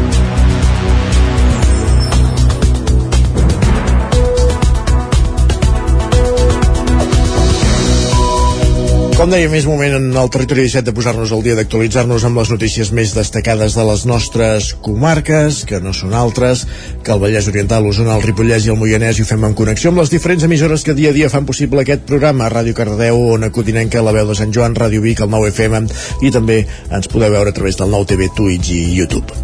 Anem cap a una Codinenca, cap a Sant Feliu de Codines, perquè l'actual alcaldessa, Mercè Serratacó, que es va presentar a les darreres eleccions municipals a la llista de Junts per Catalunya, serà confirmat ja la cap de llista d'Esquerra a les eleccions municipals del mes de maig. Roger Rams, Ona Codinenca. Exacte, així ho ha anunciat el nou president local del partit, Dani Fonoll, en una reunió que han mantingut amb militants, simpatitzants i amics del partit per presentar la nova executiva local d'Esquerra. Tant Serratacó com Fonoll el 2019 formaven part de la candidatura de Junts per Catalunya a Sant Feliu de Codines, liderada aleshores per Pere Pladevall, i tots dos ja fa uns mesos que van anunciar que no es tornaran a presentar amb aquest partit. L'executiva que ara encapçala Fonoll pren el relleu a la de Pep Reglà, Pere Ortega, Teresa Roca i Pau Ibars, que també van dir fa uns mesos que ho deixaven. Escoltem Dani Fonoll Uh, fa uns mesos Esquerra va contactar amb nosaltres, amb el, amb el grup que formem en aquest moment govern, que som el, la, la Montse Guadé, el Manel, la Mercè i jo, i la Montse s'ha despenjat perquè per raons personals no ha volgut, però nosaltres tres seguim com a, com a grup, i van dir si volíem estar a Esquerra, doncs jo vaig considerar oportú, em vaig afiliar a Esquerra, que no ho estava, i llavors, doncs, dintre del canvi d'executiva, doncs, em van nomenar president, Anna Arnau se suma a la nova executiva com a tresorera i Teresa Roca continua com a secretària. La trobada a la qual van assistir-hi una vintena de persones va servir per informar de la voluntat del partit de fer llista per les municipals i de que aquesta candidatura estigui encapçalada per Mercè Serratacó. Eh, De moment els hem presentat la voluntat de fer una llista, els hi hem dit que sí, que ja hi havia un cap de llista, que és el Mercè Serratacó, que ja havia, havíem aprovat com a Mercè Serratacó, hem dit si a tothom li semblava bé, perquè clar, és important, perquè és algo que hem dit aquí, si, si realment us agrada el que us estem proposant, digueu, i si no us agrada també digueu, perquè llavors no val la pena lluitar-ho. Els republicans estan acabant de confeccionar la llista i al llarg d'aquest mes faran la presentació oficial de Mercè Serratacó com a cap de llista. Tot i l'anunci de presentar-se amb Esquerra, Serratacó, Fonoll i Manel Vila, que són al govern amb Junts per Sant Feliu, de moment no han passat a ser regidors no escrits. Gràcies, Roger. Més qüestions. Anem cap al Ripollès perquè Sant Joan de les Abadesses tindrà un vehicle elèctric compartit. Isaac Muntades, la veu de Sant Joan. A partir de la setmana vinent, l'Ajuntament de Sant Joan de les Abadeses posarà en marxa un servei de lloguer d'un cotxe elèctric compartit que s'ubicarà al carrer de l'Arxiver mossèn Masdeu. La iniciativa l'han impulsat conjuntament el Consistori Sant Joaní i l'associació líder Gès Bisaura a través del projecte Enfoc, amb recursos del Fons Europeu Agrícola de Desenvolupament Rural i del Departament d'Acció Climàtica, Alimentació i Agenda Rural de la Generalitat de Catalunya. Es tracta d'un Renault Zoe de la cooperativa de consum Som Mobilitat, l'encarregada de la seva gestió, que té una autonomia de 250 quilòmetres i incorpora una palanca de canvi automàtica. La regidora de Medi Ambient i Sostenibilitat, Montserrat Tallant, detalla la importància de fer servir aquest vehicle.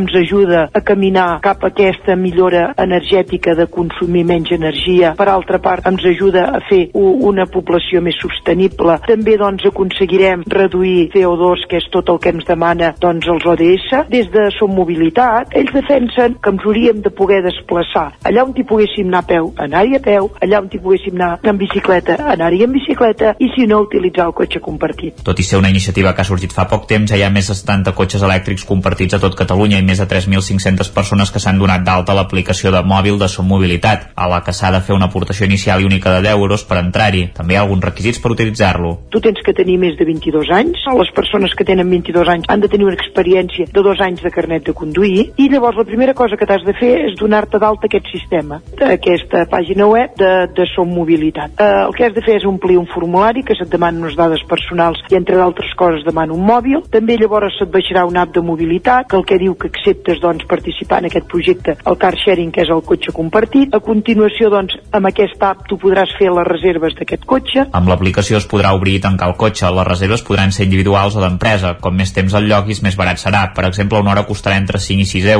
També és un vehicle pensat perquè l'usin els treballadors de l'Ajuntament per desplaçar-se en horari laboral. Aquest dijous al matí es farà una formació pels treballadors de la casa i a les 6 de la tarda a l'Ajuntament per la gent del poble, on s'ensenyarà el vehicle i com funciona l'aplicació. La iniciativa s'emmarca en el Pla de Mobilitat Urbana Sostenible impulsat pel consistori. Més qüestions, gràcies, Isaac. El grup parlamentari de Junts per Catalunya porta al Parlament el bloqueig del polígon del Pla del Mas de Manlleu, Sergi Vives. La pregunta que ha registrat demana al govern quines accions té previstes i amb quin calendari per resoldre la impugnació que va presentar el Tribunal de Contractes del Sector Públic una de les empreses que va participar al concurs per la urbanització i construcció del polígon. El consistori encara no ha rebut cap notificació, un cop exaurits els terminis de resolució pel silenci administratiu a finals de desembre. David Bosch, regidor d'Indústria, Coneixement i Agenda 2030 de Manlleu, va assegurar en una, en una entrevista aquí al Territori 17 que avui els donarien una resposta. gràcies a la, diguéssim, a les gestions que hem fet com a, no només com a Junts, sinó també com a equip de govern, a de l'alcaldia, ens han, ens han assegurat que aquest dimecres tindrem aquesta resolució.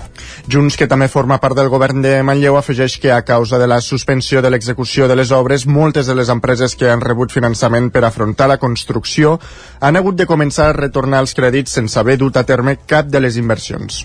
Més qüestions. Els agents rurals intercepten durant el cap de setmana sis motoristes circulant pel mig de l'espai d'interès natural de Bellmunt, a Sant Pere de Torelló. Va ser durant un control de circulació motoritzada que tenia com a objectiu protegir el medi natural.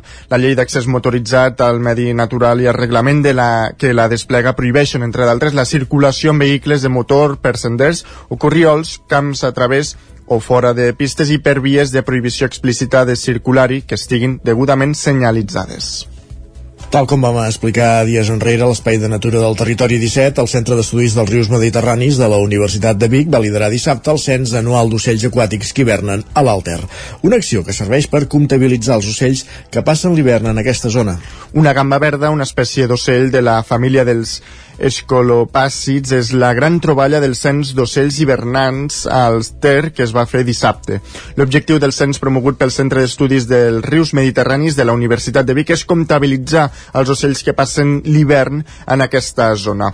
El tram eh, que va anar del pont de la Gleva fins al Museu del Ter el va coordinar Carles Durà, director de l'Estació Biològica del Montseny. L'objectiu e-, és comptar tots els ocells que, que passen eh, l'hivern en aquesta zona, llavors esperem a, els ocells, trobar els ocells comuns que de l'hivern, perquè en, en cada època de l'any podem trobar espècies diferents, llavors a, a l'hivern aquí eh, podem trobar diferents espècies d'ànecs, eh, de fet ara fa no res hem trobat 8, eh, 8 xarxets, que és un ànec així més petit que el collverd, que, que hem estat molt contents de, de trobar-lo, sempre, sempre en trobem cada any, però en nombres molt baixos i que ara n'haguéssim trobat 8 està bé, potser l'altra gent inclús n'ha trobat més.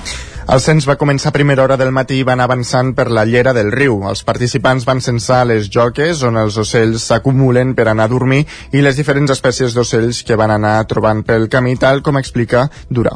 També hem trobat una, una cigonya blanca que segurament ja havia començat la seva migració prenupcial, és a dir, que venia d'Àfrica i ja està anant cap al nord eh, per, a, per anar a criar i trobem cormarins que passen tot l'hivern aquí, eh, diferents espècies d'ardets, que són aquests de, del, del coll llarg i les potes llargues, com el bernat, hem trobat un agro blanc, eh, també hi havia algunes plugabous, els resultats que van recollir-se durant el cens d'aquest cap de setmana s'entraran en un portal de ciència ciutadana, ornito.cat, o r n i t h o.cat, un portal dedicat a l'intercanvi d'informació sobre les observacions d'ocells que tothom pot consultar.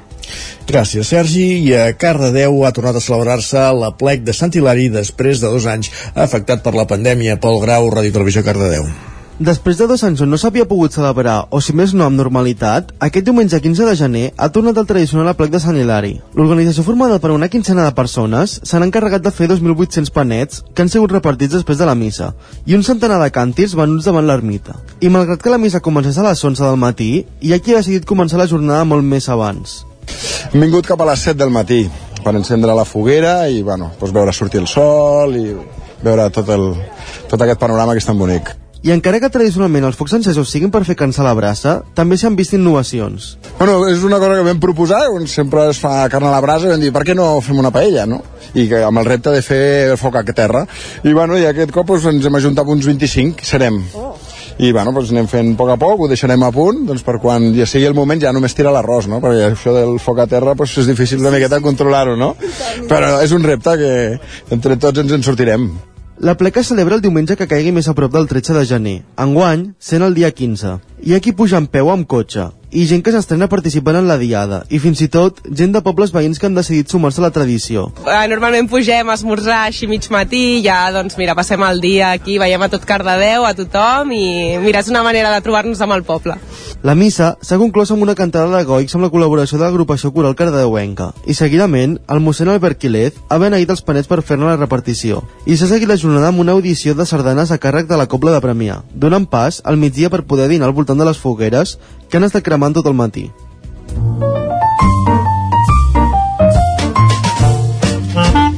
Casa Terradellos us ofereix el temps. Amb aquesta informació, Pol Grau, acabem aquest repàs informatiu i donem pas al temps, donem pas a Pepa Costa, que ens acosta la previsió del temps per les properes hores. eh, una previsió del temps afectada per la baixada de les temperatures, Pep. Hola, molt bon dia. A la zona del prelitoral encara bufa una mica de vent i les mínimes han quedat entre el 0 i els 5 graus. Però atenció a les pròximes nits perquè a la que calmi aquest vent, a les zones enclotades baixar la temperatura en picat i pot haver glaçades bastant, bastant importants a les zones enclotades pot fer eh, molt de fred les pròximes nits. Doncs això, eh, serà protagonista avui el fred i també eh, l'estabilitat. Eh, no tindrem un dia amb molts núvols, ni molt menys, un dia bastant assolellat, el vent anirà baixant d'intensitat i només tindrem alguns núvols cap al Pirineu. Però eh, on de més és cap a la cara nord del Pirineu, és a dir, cap a les comarques de Lleida. A les nostres comarques no és impossible, no és impossible que cap al final del dia hi hagi una precipitació, sobretot cap a la, la zona d'Ull de, de Ter i zones pròximes. Si arriba a nevar, aquí ho farà bastant, bastant eh, poc, eh, entre 0 i 5 centímetres. Eh, també creixeran nuvolades cap a Montsenyes Guilleries i no es descarta algun ruixat de neu de cada tarda, molt poca cosa, això sí, si es que a caure, per sobre dels 500 metres serà en forma de neu però si ja et dic, eh, si és que a caure serà molt, molt, molt poca cosa cap a aquesta zona, Montseny i Guilleries. Les temperatures màximes molt frenades, ahir va haver aquesta ponentada i va fer que les temperatures pugessin, avui ha canviat de vent de ponent a vent de nord i les temperatures, atenció, no superaran els 8, 9, 10 graus de màxima. I la majoria, moltes, moltes màximes, en zones poblades i tot, entre els 5 i els 6 graus. Per tant, temperatures molt, molt baixes. A les zones de muntanya, temperatures negatives tot el dia, glaçades molt, molt contundents. I això és tot. A disfrutar d'aquest fred. Eh, per fi arriba el fred i sembla que s'hi estarà uns quants, quants dies. Eh, ja era hora que tinguéssim aquesta entrada de vent de nord, aquest fred hivernal que tenim a sobre. Moltes gràcies, adeu. Gràcies a tu, Pep. Parlem demà. Casa Tarradellas us ha ofert aquest espai. Territori 17. Envia'ns les teves notes de veu per WhatsApp al 646 079 023. 646 079 023. WhatsApp Territori 17.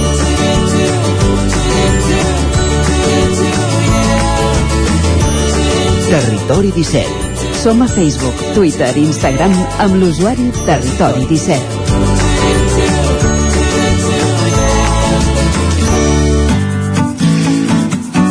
Un minut que passa d'un quart d'onze del matí, anem cap al territori sostenible, l'espai que ens porta cada setmana en Jordi Givert parlant d'iniciatives interessants a casa nostra, avui parlant de com s'està executant la transició energètica, d'iniciatives de transició energètica al Moianès. Jordi, bon dia. Avui volíem tornar a parlar sobre els projectes de transició energètica que hi ha a la comarca del Moianès i per això tenim amb nosaltres a la Sonsoles Letan, que és consellera comarcal i que encapçala la tasca eh, en aquesta en aquest àmbit i que ja hem parlat amb, elles altre, amb ella altres vegades. Uh, hola, Sonsoles, bon dia. Hola, bon dia.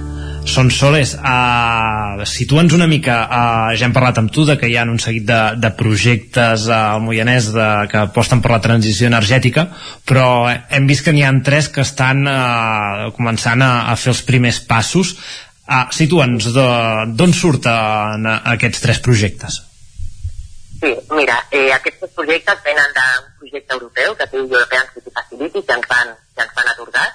Eh, en aquest projecte vam presentar el pla de transició energètica del Moianès, que implica tot un seguit d'actuacions, moltes actuacions, eh, amb una inversió total de 40 milions d'euros, que implicarien una, una eh, eh, evitar eh, emetre eh, 70.000 tones aproximadament de CO2 equivalent a l'any. Uh -huh. Llavors, eh, en el marc d'aquests projectes, eh, com ens ho van atorgar, ens van atorgar, diguéssim, de subvenció, vam fer una reunió amb tots els ajuntaments i vam decidir que del conjunt de projectes quins eh, podríem eh, començar a dur a terme.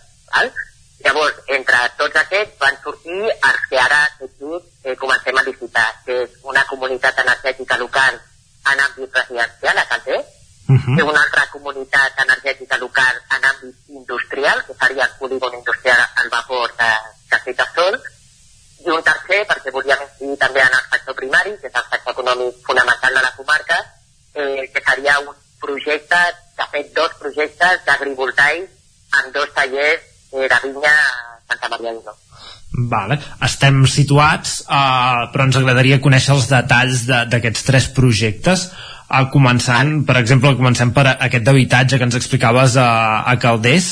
Uh, en, què, en què consistirà i, a, i en quina fase està ara mateix de, de, de, de construcció, diguéssim?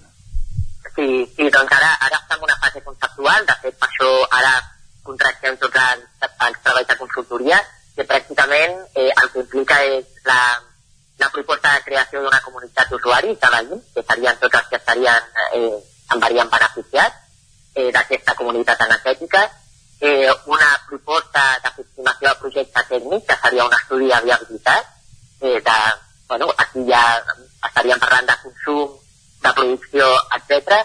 I també eh, una cosa que ens demana Europa, que és molt important, és un business plan, és a dir, com s'executa això, amb finançament alternatiu, eh, amb ajuts, eh, quan, quan seria el retorn de la inversió, etc etc. Mm -hmm. Aquest seria el de Calders.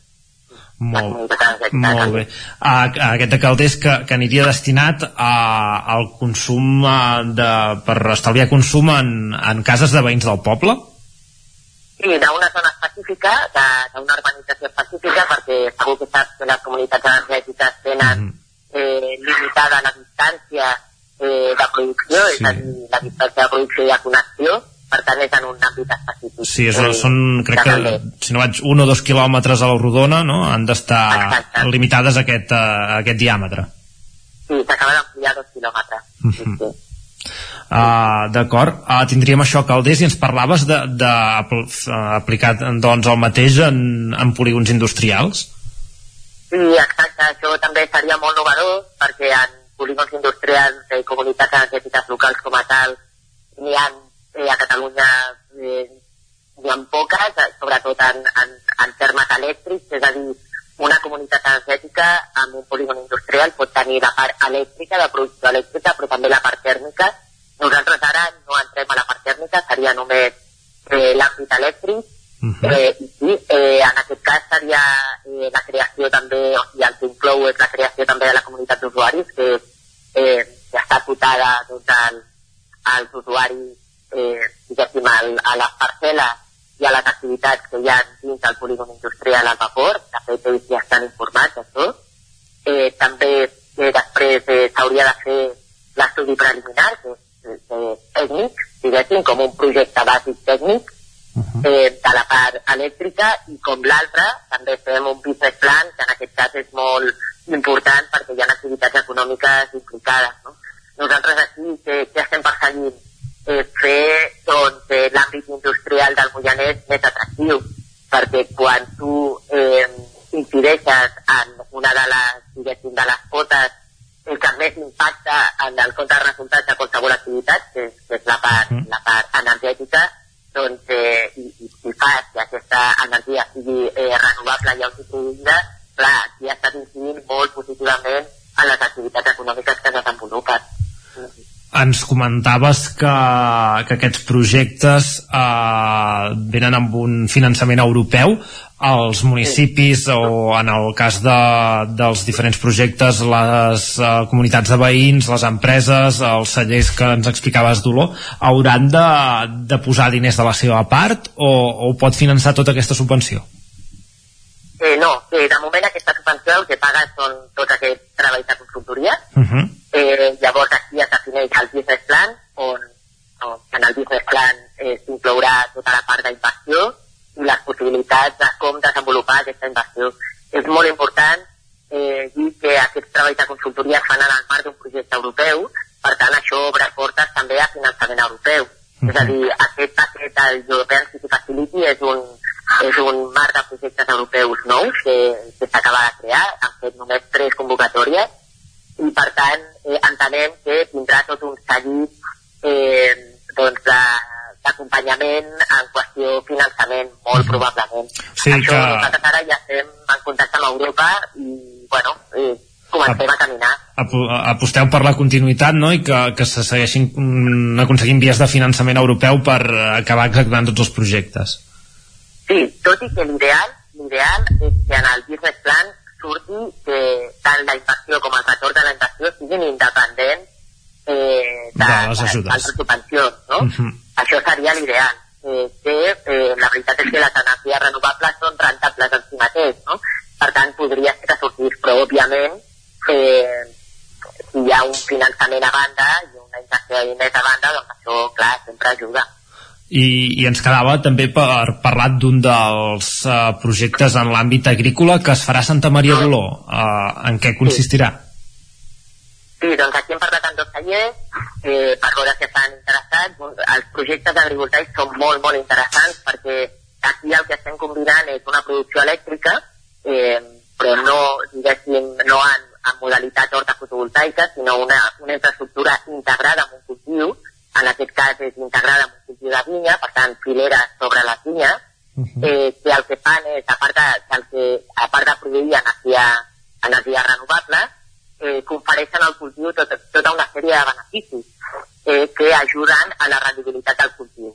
Per exemple, eh, donen ombra en els moments de màxima insolació, doncs, eh, en el moment de màxima irradiació directa del sol, que això sovint eh, provoca danys amb el fruit o, o fa que, que el fruit s'assequi més i, per tant, en el cas del raïm, que tingui concentracions de sucre eh, més elevades, que ben interessen després per la fermentació, el tema de controlar la producció d'alcohol, eh, després també doncs, eh, eh, ajuden a, a minimitzar les pèrdues d'evaporació d'aigua del sol, per tant disminueixes també les necessitats de reg, també eh, ajuden a disminuir la evapotranspiració de la planta, és a dir, la pèrdua d'aigua eh, de la planta doncs, per, les, per les fulles, és a dir, eh, ajuden, ajuden al cultiu.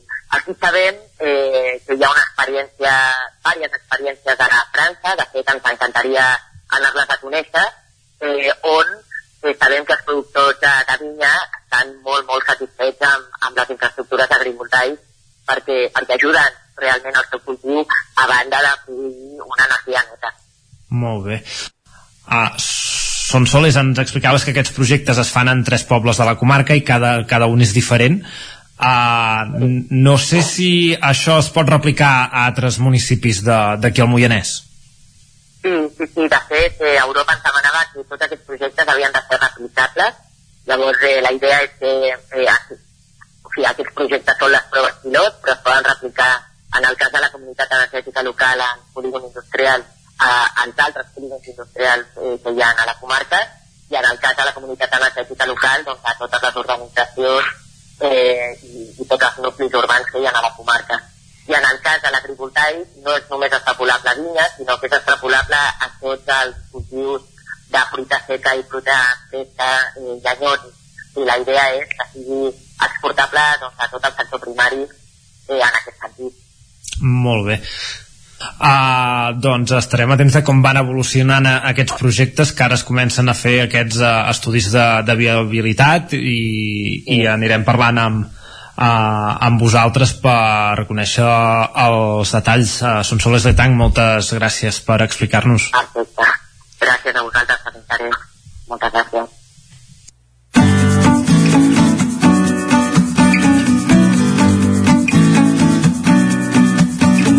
I amb el territori sostenible arribem a la pausa, 3 minuts i seran dos quarts, 3 minuts i arriben les piolades al territori 17 i també parlem de llengua, de literatura, fins ara mateix. El nou FM, la ràdio de casa, al 92.8. Has esperat que arribi el fred per comprovar si et funciona bé la caldera? No pateixis, a Casa Jové som especialistes en manteniment, reparació i revisió d'equips d'aigua calenta i calefacció, tant en l'ambient domèstic com industrial. Si tens una avaria, no ho dubtis. Som Casa Jové. Ens trobaràs al carrer Girona, número 9 de Vic i al telèfon 93 886 1596. Casa Jové, el teu servei tècnic de confiança. Bon dia, us truco del servei tècnic oficial de Bailand. Hem detectat que la pressió de la seva caldera està baixant. No me n'havia adonat. Com es pot solucionar? Ho resoldrem en uns minuts. No espereu més. Amb el servei de manteniment ServiPlus Connect de Bailand, preocupeu-vos del que realment importa. Nosaltres ens encarreguem de la vostra caldera. Informeu-vos a connectivitat.bailand.es. Has esperat que arribi el fred per comprovar si et funciona bé la caldera? No pateixis, a Casa Jové som especialistes en manteniment, reparació i revisió d'equips d'aigua calenta i calefacció, tant en l'ambient domèstic com industrial. Si tens una avaria, no ho dubtis. Som Casa Jové. Ens trobaràs al carrer Girona, número 9 de Vic i al telèfon 93 886 1596. Casa Jové, el teu servei tècnic de confiança. Bon dia, són les 9 al Territori 17. La Miquel Parella. Cada matí i durant dues hores t'acompanyem i et posem al dia de l'actualitat de casa nostra. Potenciant així l'autonomia En aquest cas me la peça el teler si no... Cursos per feminitzar el pensament masculí. Territori 17, el magazín matinal d'Osona, el Moianès, el Ripollès i el Vallès Oriental. Que la meva àvia de 93 el anys... 9 FM, el 9 TV, el 99.cat i també els nostres canals de Twitch i I YouTube. demà per fer-se un tatuatge. Cada matí, Territori 17. Ole. Cocodril Club. Si t'agrada la bona música dels anys 60, 70 i 80, escolta el 9 FM als matins de dissabtes i diumenges d'11 a 1. És el temps del Cocodril Club, tot un clàssic de la ràdio, amb les bases del pop-rock, les llegendes, les cançons que s'han convertit en autèntics himnes. Recorda, dissabtes i diumenges al matí, d'11 a 1, al 9 FM 92.8. Cocodril Club. El programa revival de l'Albert Malla. Hasta Anuncia't al 9FM. La màquina de casa. 9 3 8 8 9 4 9 4 9. Publicitat arroba al 9FM.cat. Anuncia't al 9FM. La publicitat més eficaç. Bon dia, són les 9 al Territori 17. La Miquel Parella. Cada matí i durant dues hores t'acompanyem i et posem al dia de l'actualitat de casa nostra. Potenciant així l'autonomia En aquest cas me la peça el teler si no... Cursos per feminitzar el pensament masculí. Territori 17, el magazín matinal d'Osona, el Moianès, el Ripollès i el Vallès Que Oriental. la meva àvia de 93 el anys... 9 FM, el 9 TV, el 99.cat i també els nostres canals de Twitch i YouTube. demà per fer-se un tatuatge. Cada matí, Territori 17. Ole. En punt, dos quarts de 10, dos quarts d'onze, volem dir, al Territori 17.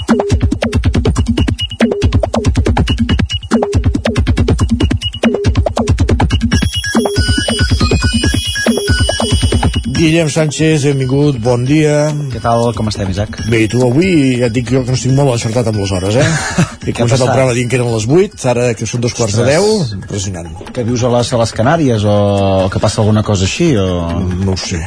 Tens el cap a una altra banda, Deu Isaac. ser això. Però no passa res. No, No, passa, tinc, tinc, no tinc el cap al territori 17. no passa res perquè això té fàcil solució. Ah, Ara sí? ens endinsem amb les piulades i segur que ens hi tornem a, a posar al 100%. Va, Isaac, no sé posar, si... posar el cap a Twitter a vegades no sé si és el millor, eh? No sé si és la millor Perquè a vegades solució. volen ganivets. Vaja. No sé si tu, Isaac, ets d'aquelles persones de qui t'agradaria viure fins més enllà de, dels 100 anys.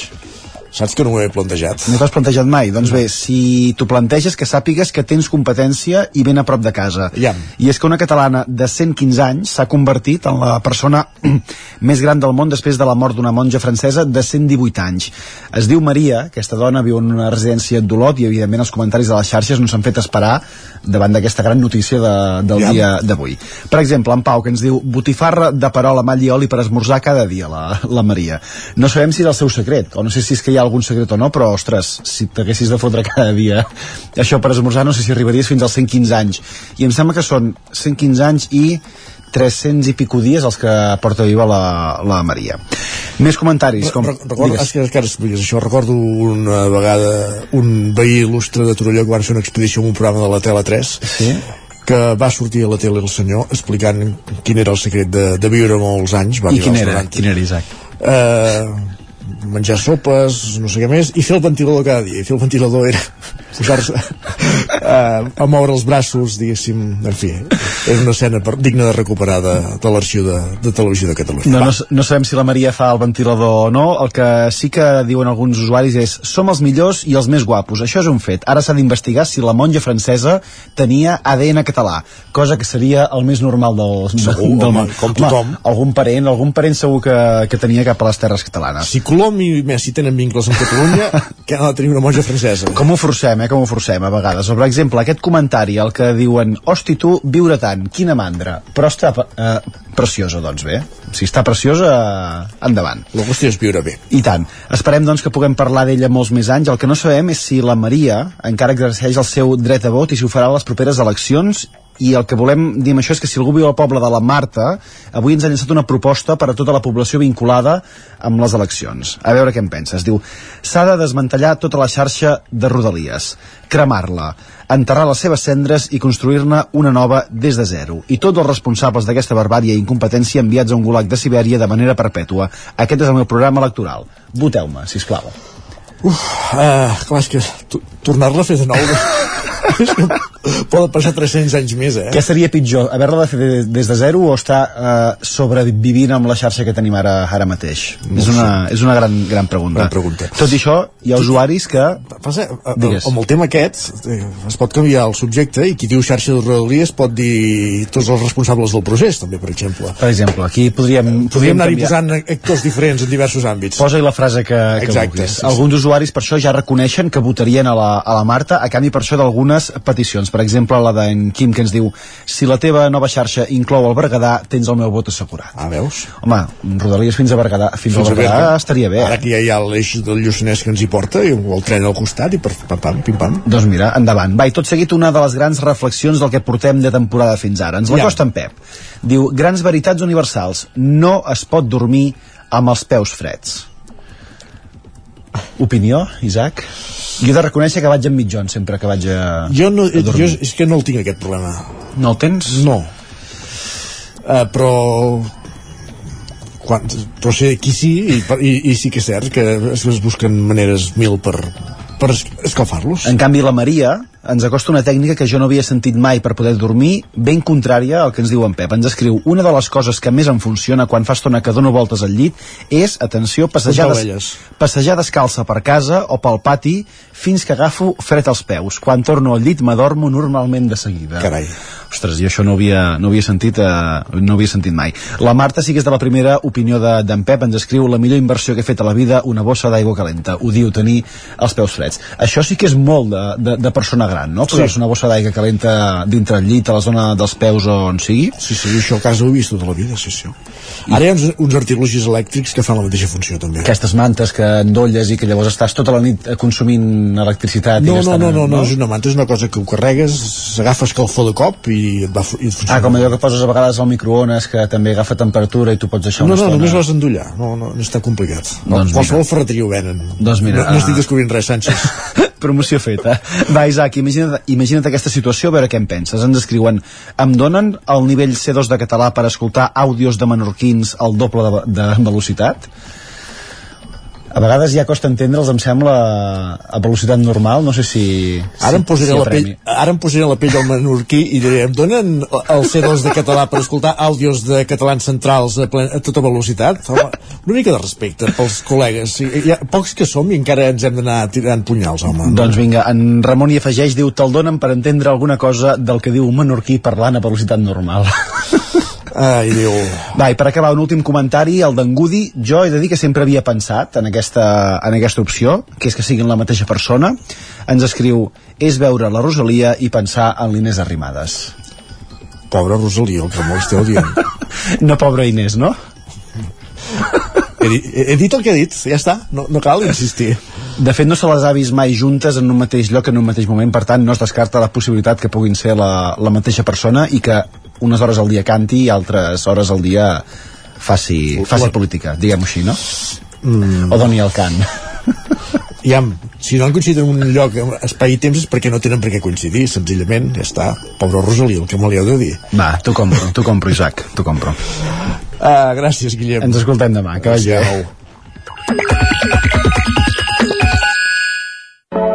Territori 17, el 9 FM, la veu de Sant Joan, Ona Codinenca, Ràdio Cardedeu, Territori 17.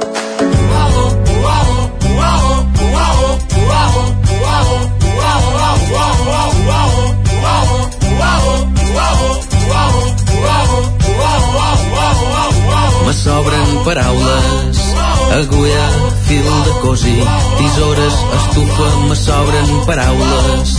Vermut, patates, olives, paraules molt curtes, pi, paraules molt llargues, esternoclesmastoideu, paraules molt... No sé qui va decidir posar una cançó d'Antònia Font com a sintonia, però és que, esclar, eh, ens passaríem, ens escoltaríem la cançó sencera cada dia abans de donar pas a la, a la Cristina Enfruns, eh, que ja ens espera una setmana més, com fa cada 15 dies, per parlar-nos de llengua. Benvinguda, Cristina, bon dia.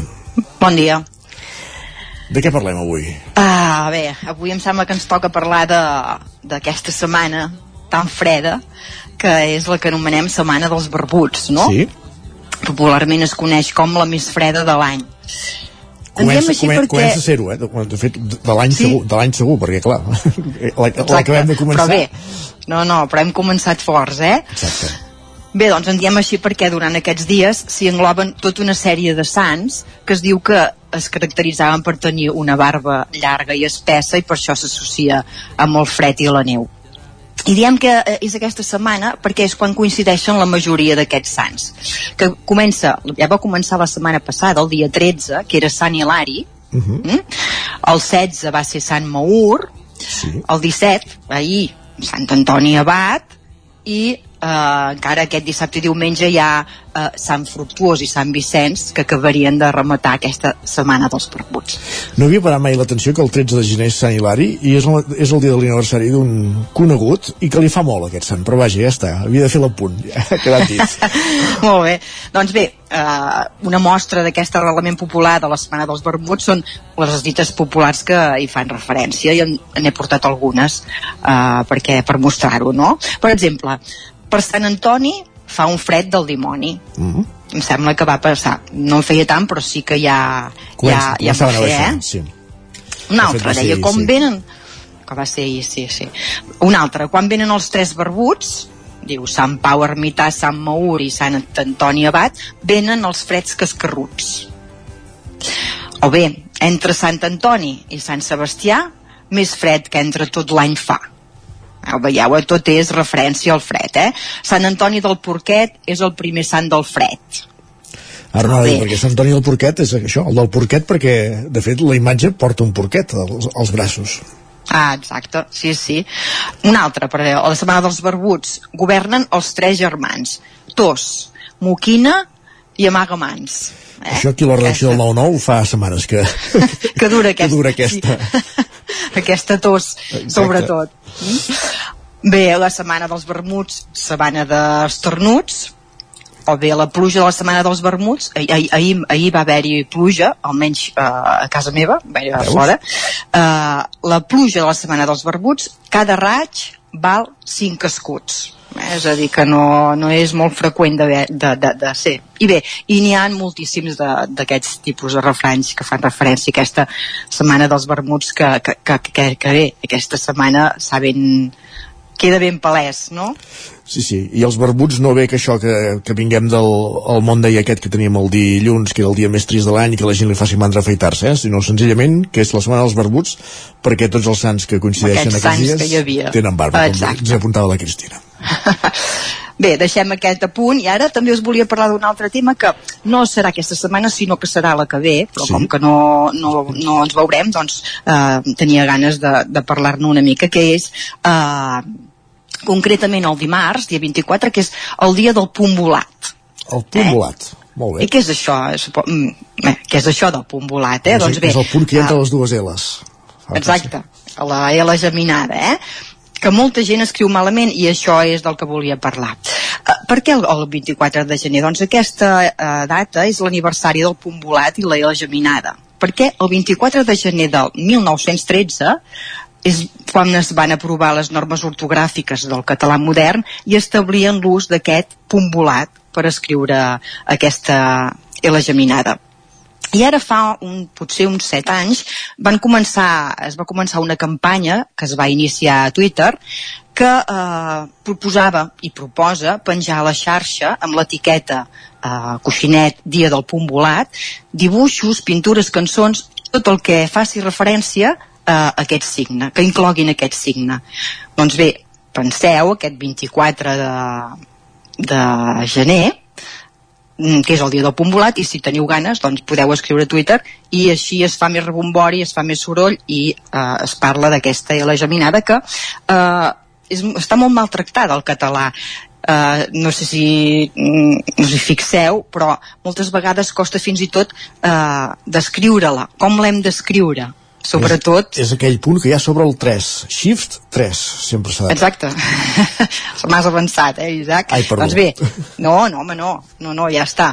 Queda bastant clar que, que en els ordinadors hi ha per escriure-la, doncs posem això, eh, majúscules i, i, i el 3, i ens surt aquest punt volat. Mm, altra cosa és, per exemple, en els mòbils i a les tauletes, que moltes vegades no sabem com escriure'l. I hi ha Sí, sí diferents opcions. Sí. I algunes de que estan malament, eh? Um, cada vegada s'ha anat introduint més eh, i ja la majoria dels, dels mòbils i de les tauletes ja, ja hi ha l'opció, eh? però moltes, encara, encara hi ha gent que ho fa malament. Per exemple, tant, tant en, en iOS com en, Hydro, en Android eh, ja hi ha una opció directa que eh, es, es clica directament sobre la L i al cap d'una estona ja et surt la L geminada tens una opció que és aquesta en la majoria, Jo he, però de, he d'admetre que he trigat anys a descobrir-la, aquesta opció, però sí, hi és. doncs bé, doncs que quedi clar que sí que hi és, eh? Per Exacte, tant, sí, sí. cliquem directament sobre la L i ja ho veureu que I després es tot, tot, desplega. les opcions d'Ela hi ha l'Ela geminada, sí. El que passa que hi ha vegades que aquí falla hi ha gent, eh? perquè, eh, per exemple, en l'iPhone eh, també pots fer-ho eh, entrant al teclat, al teclat simbòlic i allà, si mantens pitjat el punt, també apareix aquest punt volat. No Però sé. hi ha gent però hi ha gent que el que fa és entrar en aquest eh, teclat simbòlic i si t'hi fixes, o si us hi fixeu, veureu que hi també hi ha una opció que hi ha un punt directe. Però no és un punt volat, Què és? és més gruixut. Sí. És més gruixut i per tant aquest representa, si volguéssim ser molt estrictes, no és correcte. Eh? El que hem d'aplicar és aquest altre que hi ha eh, eh, aquest punt volat, que és una mica, el puntet és una mica més finet. sí. I, I per què serveix aquest punt negreta? Ho saps? No, això jo no ho sé. no en tinc idea, però aquest no Deu ser seria per el... enumerar, per enumerar, potser. Bueno, en fi, no ho sé. No ho sé, potser sí per fer, no ho sé, no ho sé, però aquest si volguéssim ser molt estrictes, eh, també l'acceptaríem, eh, perquè ja... Però bé, no, seria, no estaria bo, no? Hauríem d'anar en aquest altre punt.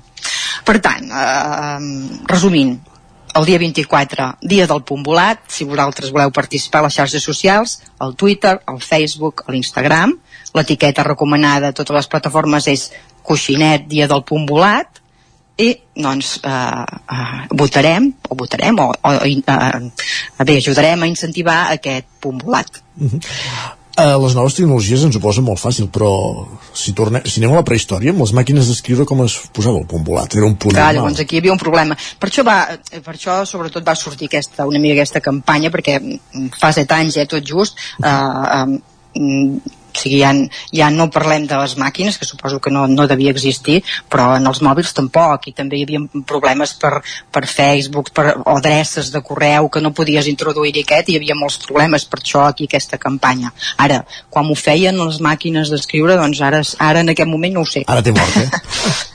Ara m'has mort. Uh, bé, i ja està. Aquí només volia posar això. I us acabaré amb una, amb una cançó que sí. és antiga, eh, ja fa anys que es va fer, però que parla doncs de eh, com de freqüent és la L geminada. I aquest, Hi ha un aquest, tema. Aquesta avui no l'analitzarem, eh? Aquesta està bé, diguéssim. Aquesta no l'analitzarem perquè ja ho veureu, eh? és tot un seguit, tot un reguitzell de, de paraules amb la geminada perquè vegem com, com n'hi ha i moltes en el català. I la cançó es diu, podria semblar... No, la cançó es diu Falera Geminada, perdó, i és d'un grup que es diuen Els Sulfitos. Carai. Sí, sí, sí. Un grup de Breda, que no sé si existeix ja, eh? perquè aquesta cançó em sembla que és del 2012 i potser aquest grup ja, ja ha deixat d'existir, però sí que la canció és molt curiosa. Doncs, eh, Falera Geminada amb els Sulfitos per acabar aquesta secció. Cristina, moltíssimes gràcies. A vosaltres. Fins aquí 15 dies. Adéu-siau. Adéu.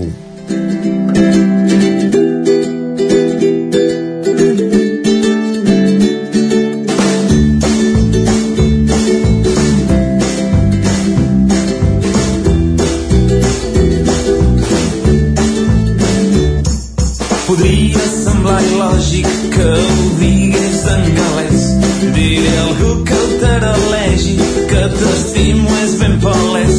Sol·licitaré un satèl·lit amb les vistes excel·lents i viurem el nostre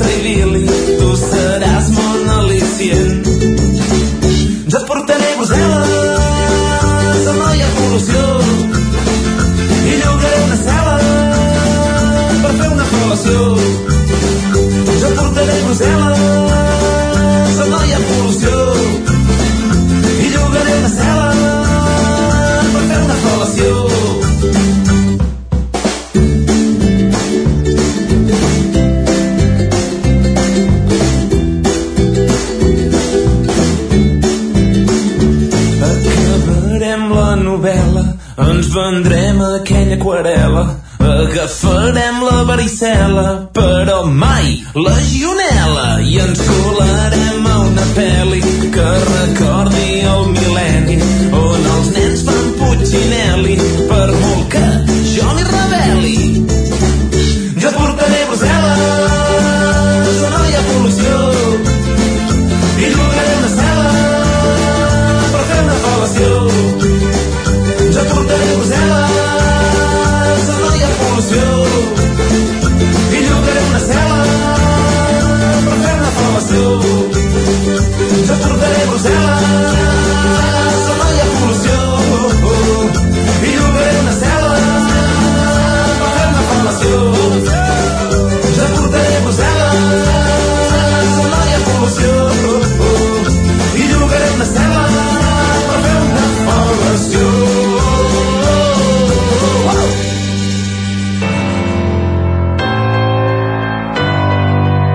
Territori, Territori 17. 17. Territori 17.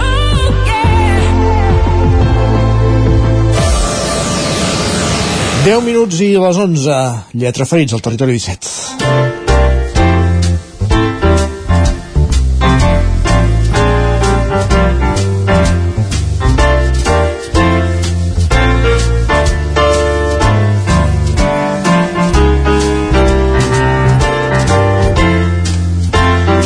Com cada dimecres, a la recta final del programa, ja ho sabeu, dediquem a la literatura, a parlar amb autors de llibres, a conèixer propostes literàries, i ho fem en aquesta secció que anomenem Lletra Ferits, que fem amb roda per les diferents emissores del territori 17 i que avui ens produeixen, ens acosten des de Ràdio Televisió Cardedeu.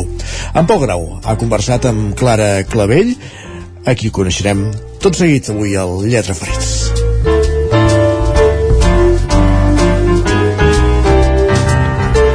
Bon dia des de Cardedeu i benvinguts a un nou Llot Ferits. El passat 14 de gener, l'Espai Cultural del Tarambana acollia la primera de les presentacions d'aquest 2023 dels vermuts literaris, les ja mundialment conegudes com a tertúlies literàries, organitzades per la periodista cultural Clara Clavell. Amb la novel·la El regal de la lectura, de Sebastià Serrano, donava el tret de sortida aquest any als vermuts literaris. Així que per parlar de com va anar aquesta primera sessió i de qui ens visitarà a Cardedeu les properes tertúlies, avui estem amb la Clara Clavell, conductora dels vermuts literaris. Bon dia, Clara. Abans de començar a parlar de tot el que ens ve aquest 2023, comencem parlant de com va anar el darrer vermut literari de l'any amb en Marc Giró. I si ens pots explicar una mica qui ens visitarà els següents mesos aquí a Cardedeu i al Tarambana, pels pròxims vermuts literaris. Doncs l'últim vermut eh, del 2022 amb el Marc Giró va ser fantàstic. Um, va ser molt divertit. Realment uh, no sé si va tenir massa cosa de literari, perquè potser semblava més un, un espectacle uh, teatral, perquè bueno, tots coneixem el Marc Giró i, i l'expressiu que arriba a ser i va ser, realment va ser, va ser molt divertit escoltar com parlava de, del món dels pijos, com identificar els pijos i fer-ho de la manera que només ell sap fer, no? amb aquesta gràcia innata.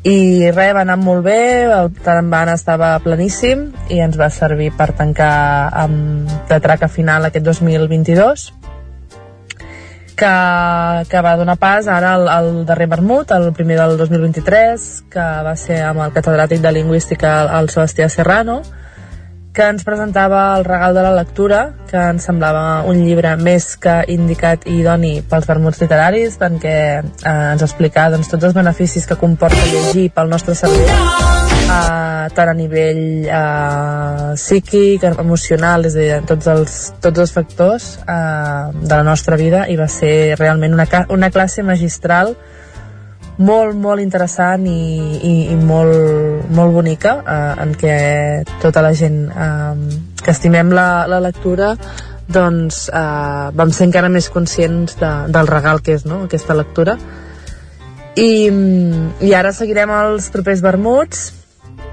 amb Martí Gironell, que el tindrem el 28 de, de gener. Amb el Martí ja fa temps que teníem pendent, pendent un vermut i finalment l'hem pogut agendar a, aquest gener.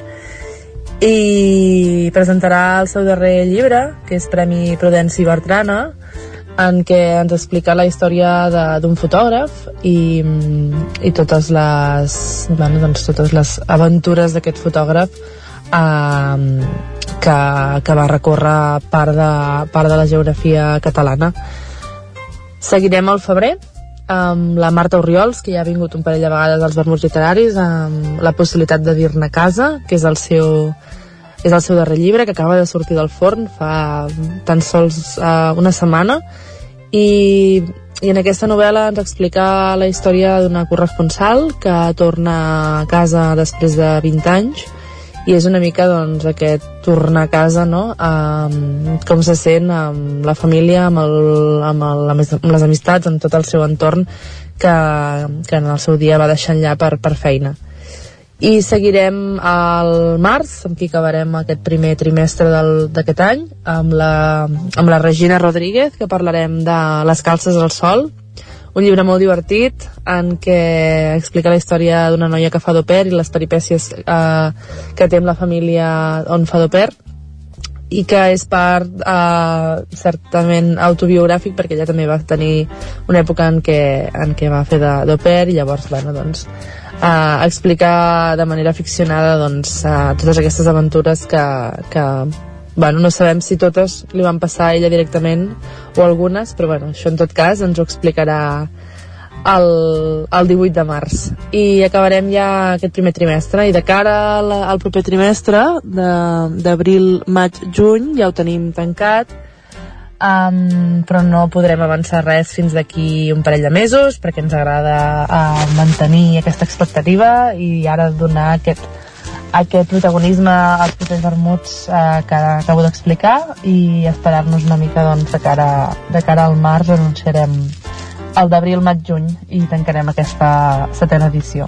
Després de que el 2020 es fes els vermuts confinats i el 2021 amb les limitacions del públic, què ha suposat aquest 2022 ja postpandèmia? Com han funcionat els vermuts literaris al Tarambana?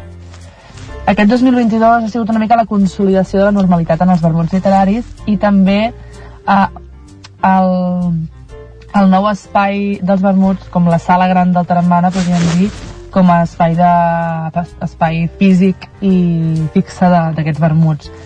Uh, abans de la pandèmia es feien a la sala més petita, que cada cop ens quedava més petita i, i impedia que la gent que arribava una mica més tard doncs, uh, no veiés bé a la presentació i, i arrel de la tornada de la, del confinament que vam haver de fer a la, a la sala gran pel tema distàncies i perquè era més espaiosa doncs ja s'ha quedat com a, com a espai dels vermuts i realment eh, estem encantats eh, perquè ens proporciona doncs, el fet de que hi hagi més taules, que la gent realment pugui fer tothom el vermut i dona aquest espai eh, a tothom i, i també doncs, que tothom sigui una mica més ample potser que quan estàvem a l'altra sala. Per tant, um, ha sigut un any de tornada a la normalitat, que esperem que segueixi aquest 23, 24 i 25, que segueixi ja a partir d'ara, que no tinguem més Covids ni històries, i estem realment uh, molt, molt, molt, molt contentes de la participació, de l'assistència, que està sent molt, molt, molt, um, molt bona i estan treballant perquè doncs, eh, tothom hi trobi el seu vermut, tothom trobi aquell autor o aquella autora que, que segueix i s'hi senti com a casa. Doncs moltes gràcies per ser aquí avui amb nosaltres, Clara, i gràcies al, també al Tanambana i al Compàs per fer possibles aquests vermuts literaris cada mes. I ens veiem en els següents lletraferits. Doncs fins aleshores, gràcies, Pol, també per acompanyar-nos, per acostar-nos una mica al que serà l'activitat eh, als vermuts literaris del Tarambana en els propers mesos. Acabarem el programa amb música, perquè i amb música de la Mariona Escoda, la guanyadora del programa Eufòria de TV3, que ha exaurit les entrades pel seu concert de presentació del nou treball discogràfic, un concert de, de presentació que es farà el 16 d'abril al Sala Paral·lel 62 de Barcelona, l'antiga sala Bars, serà el punt de partida d'una gira que passarà per altre, entre altres llocs per diferents punts del territori 17, com per exemple el Teatre Atlàntida de Vic el 14 de maig. Exaudirides, per tant, les entrades per aquest concert de presentació d'aquest primer disc de la Mariona Escoda, però que la podrem anar veient en diferents punts a partir, com dèiem, de, del mes d'abril, que és quan estrena aquest treball discogràfic que estem escoltant de fons i que ens portarà fins al punt de les 11, al punt d'acabar el territori 17 d'avui.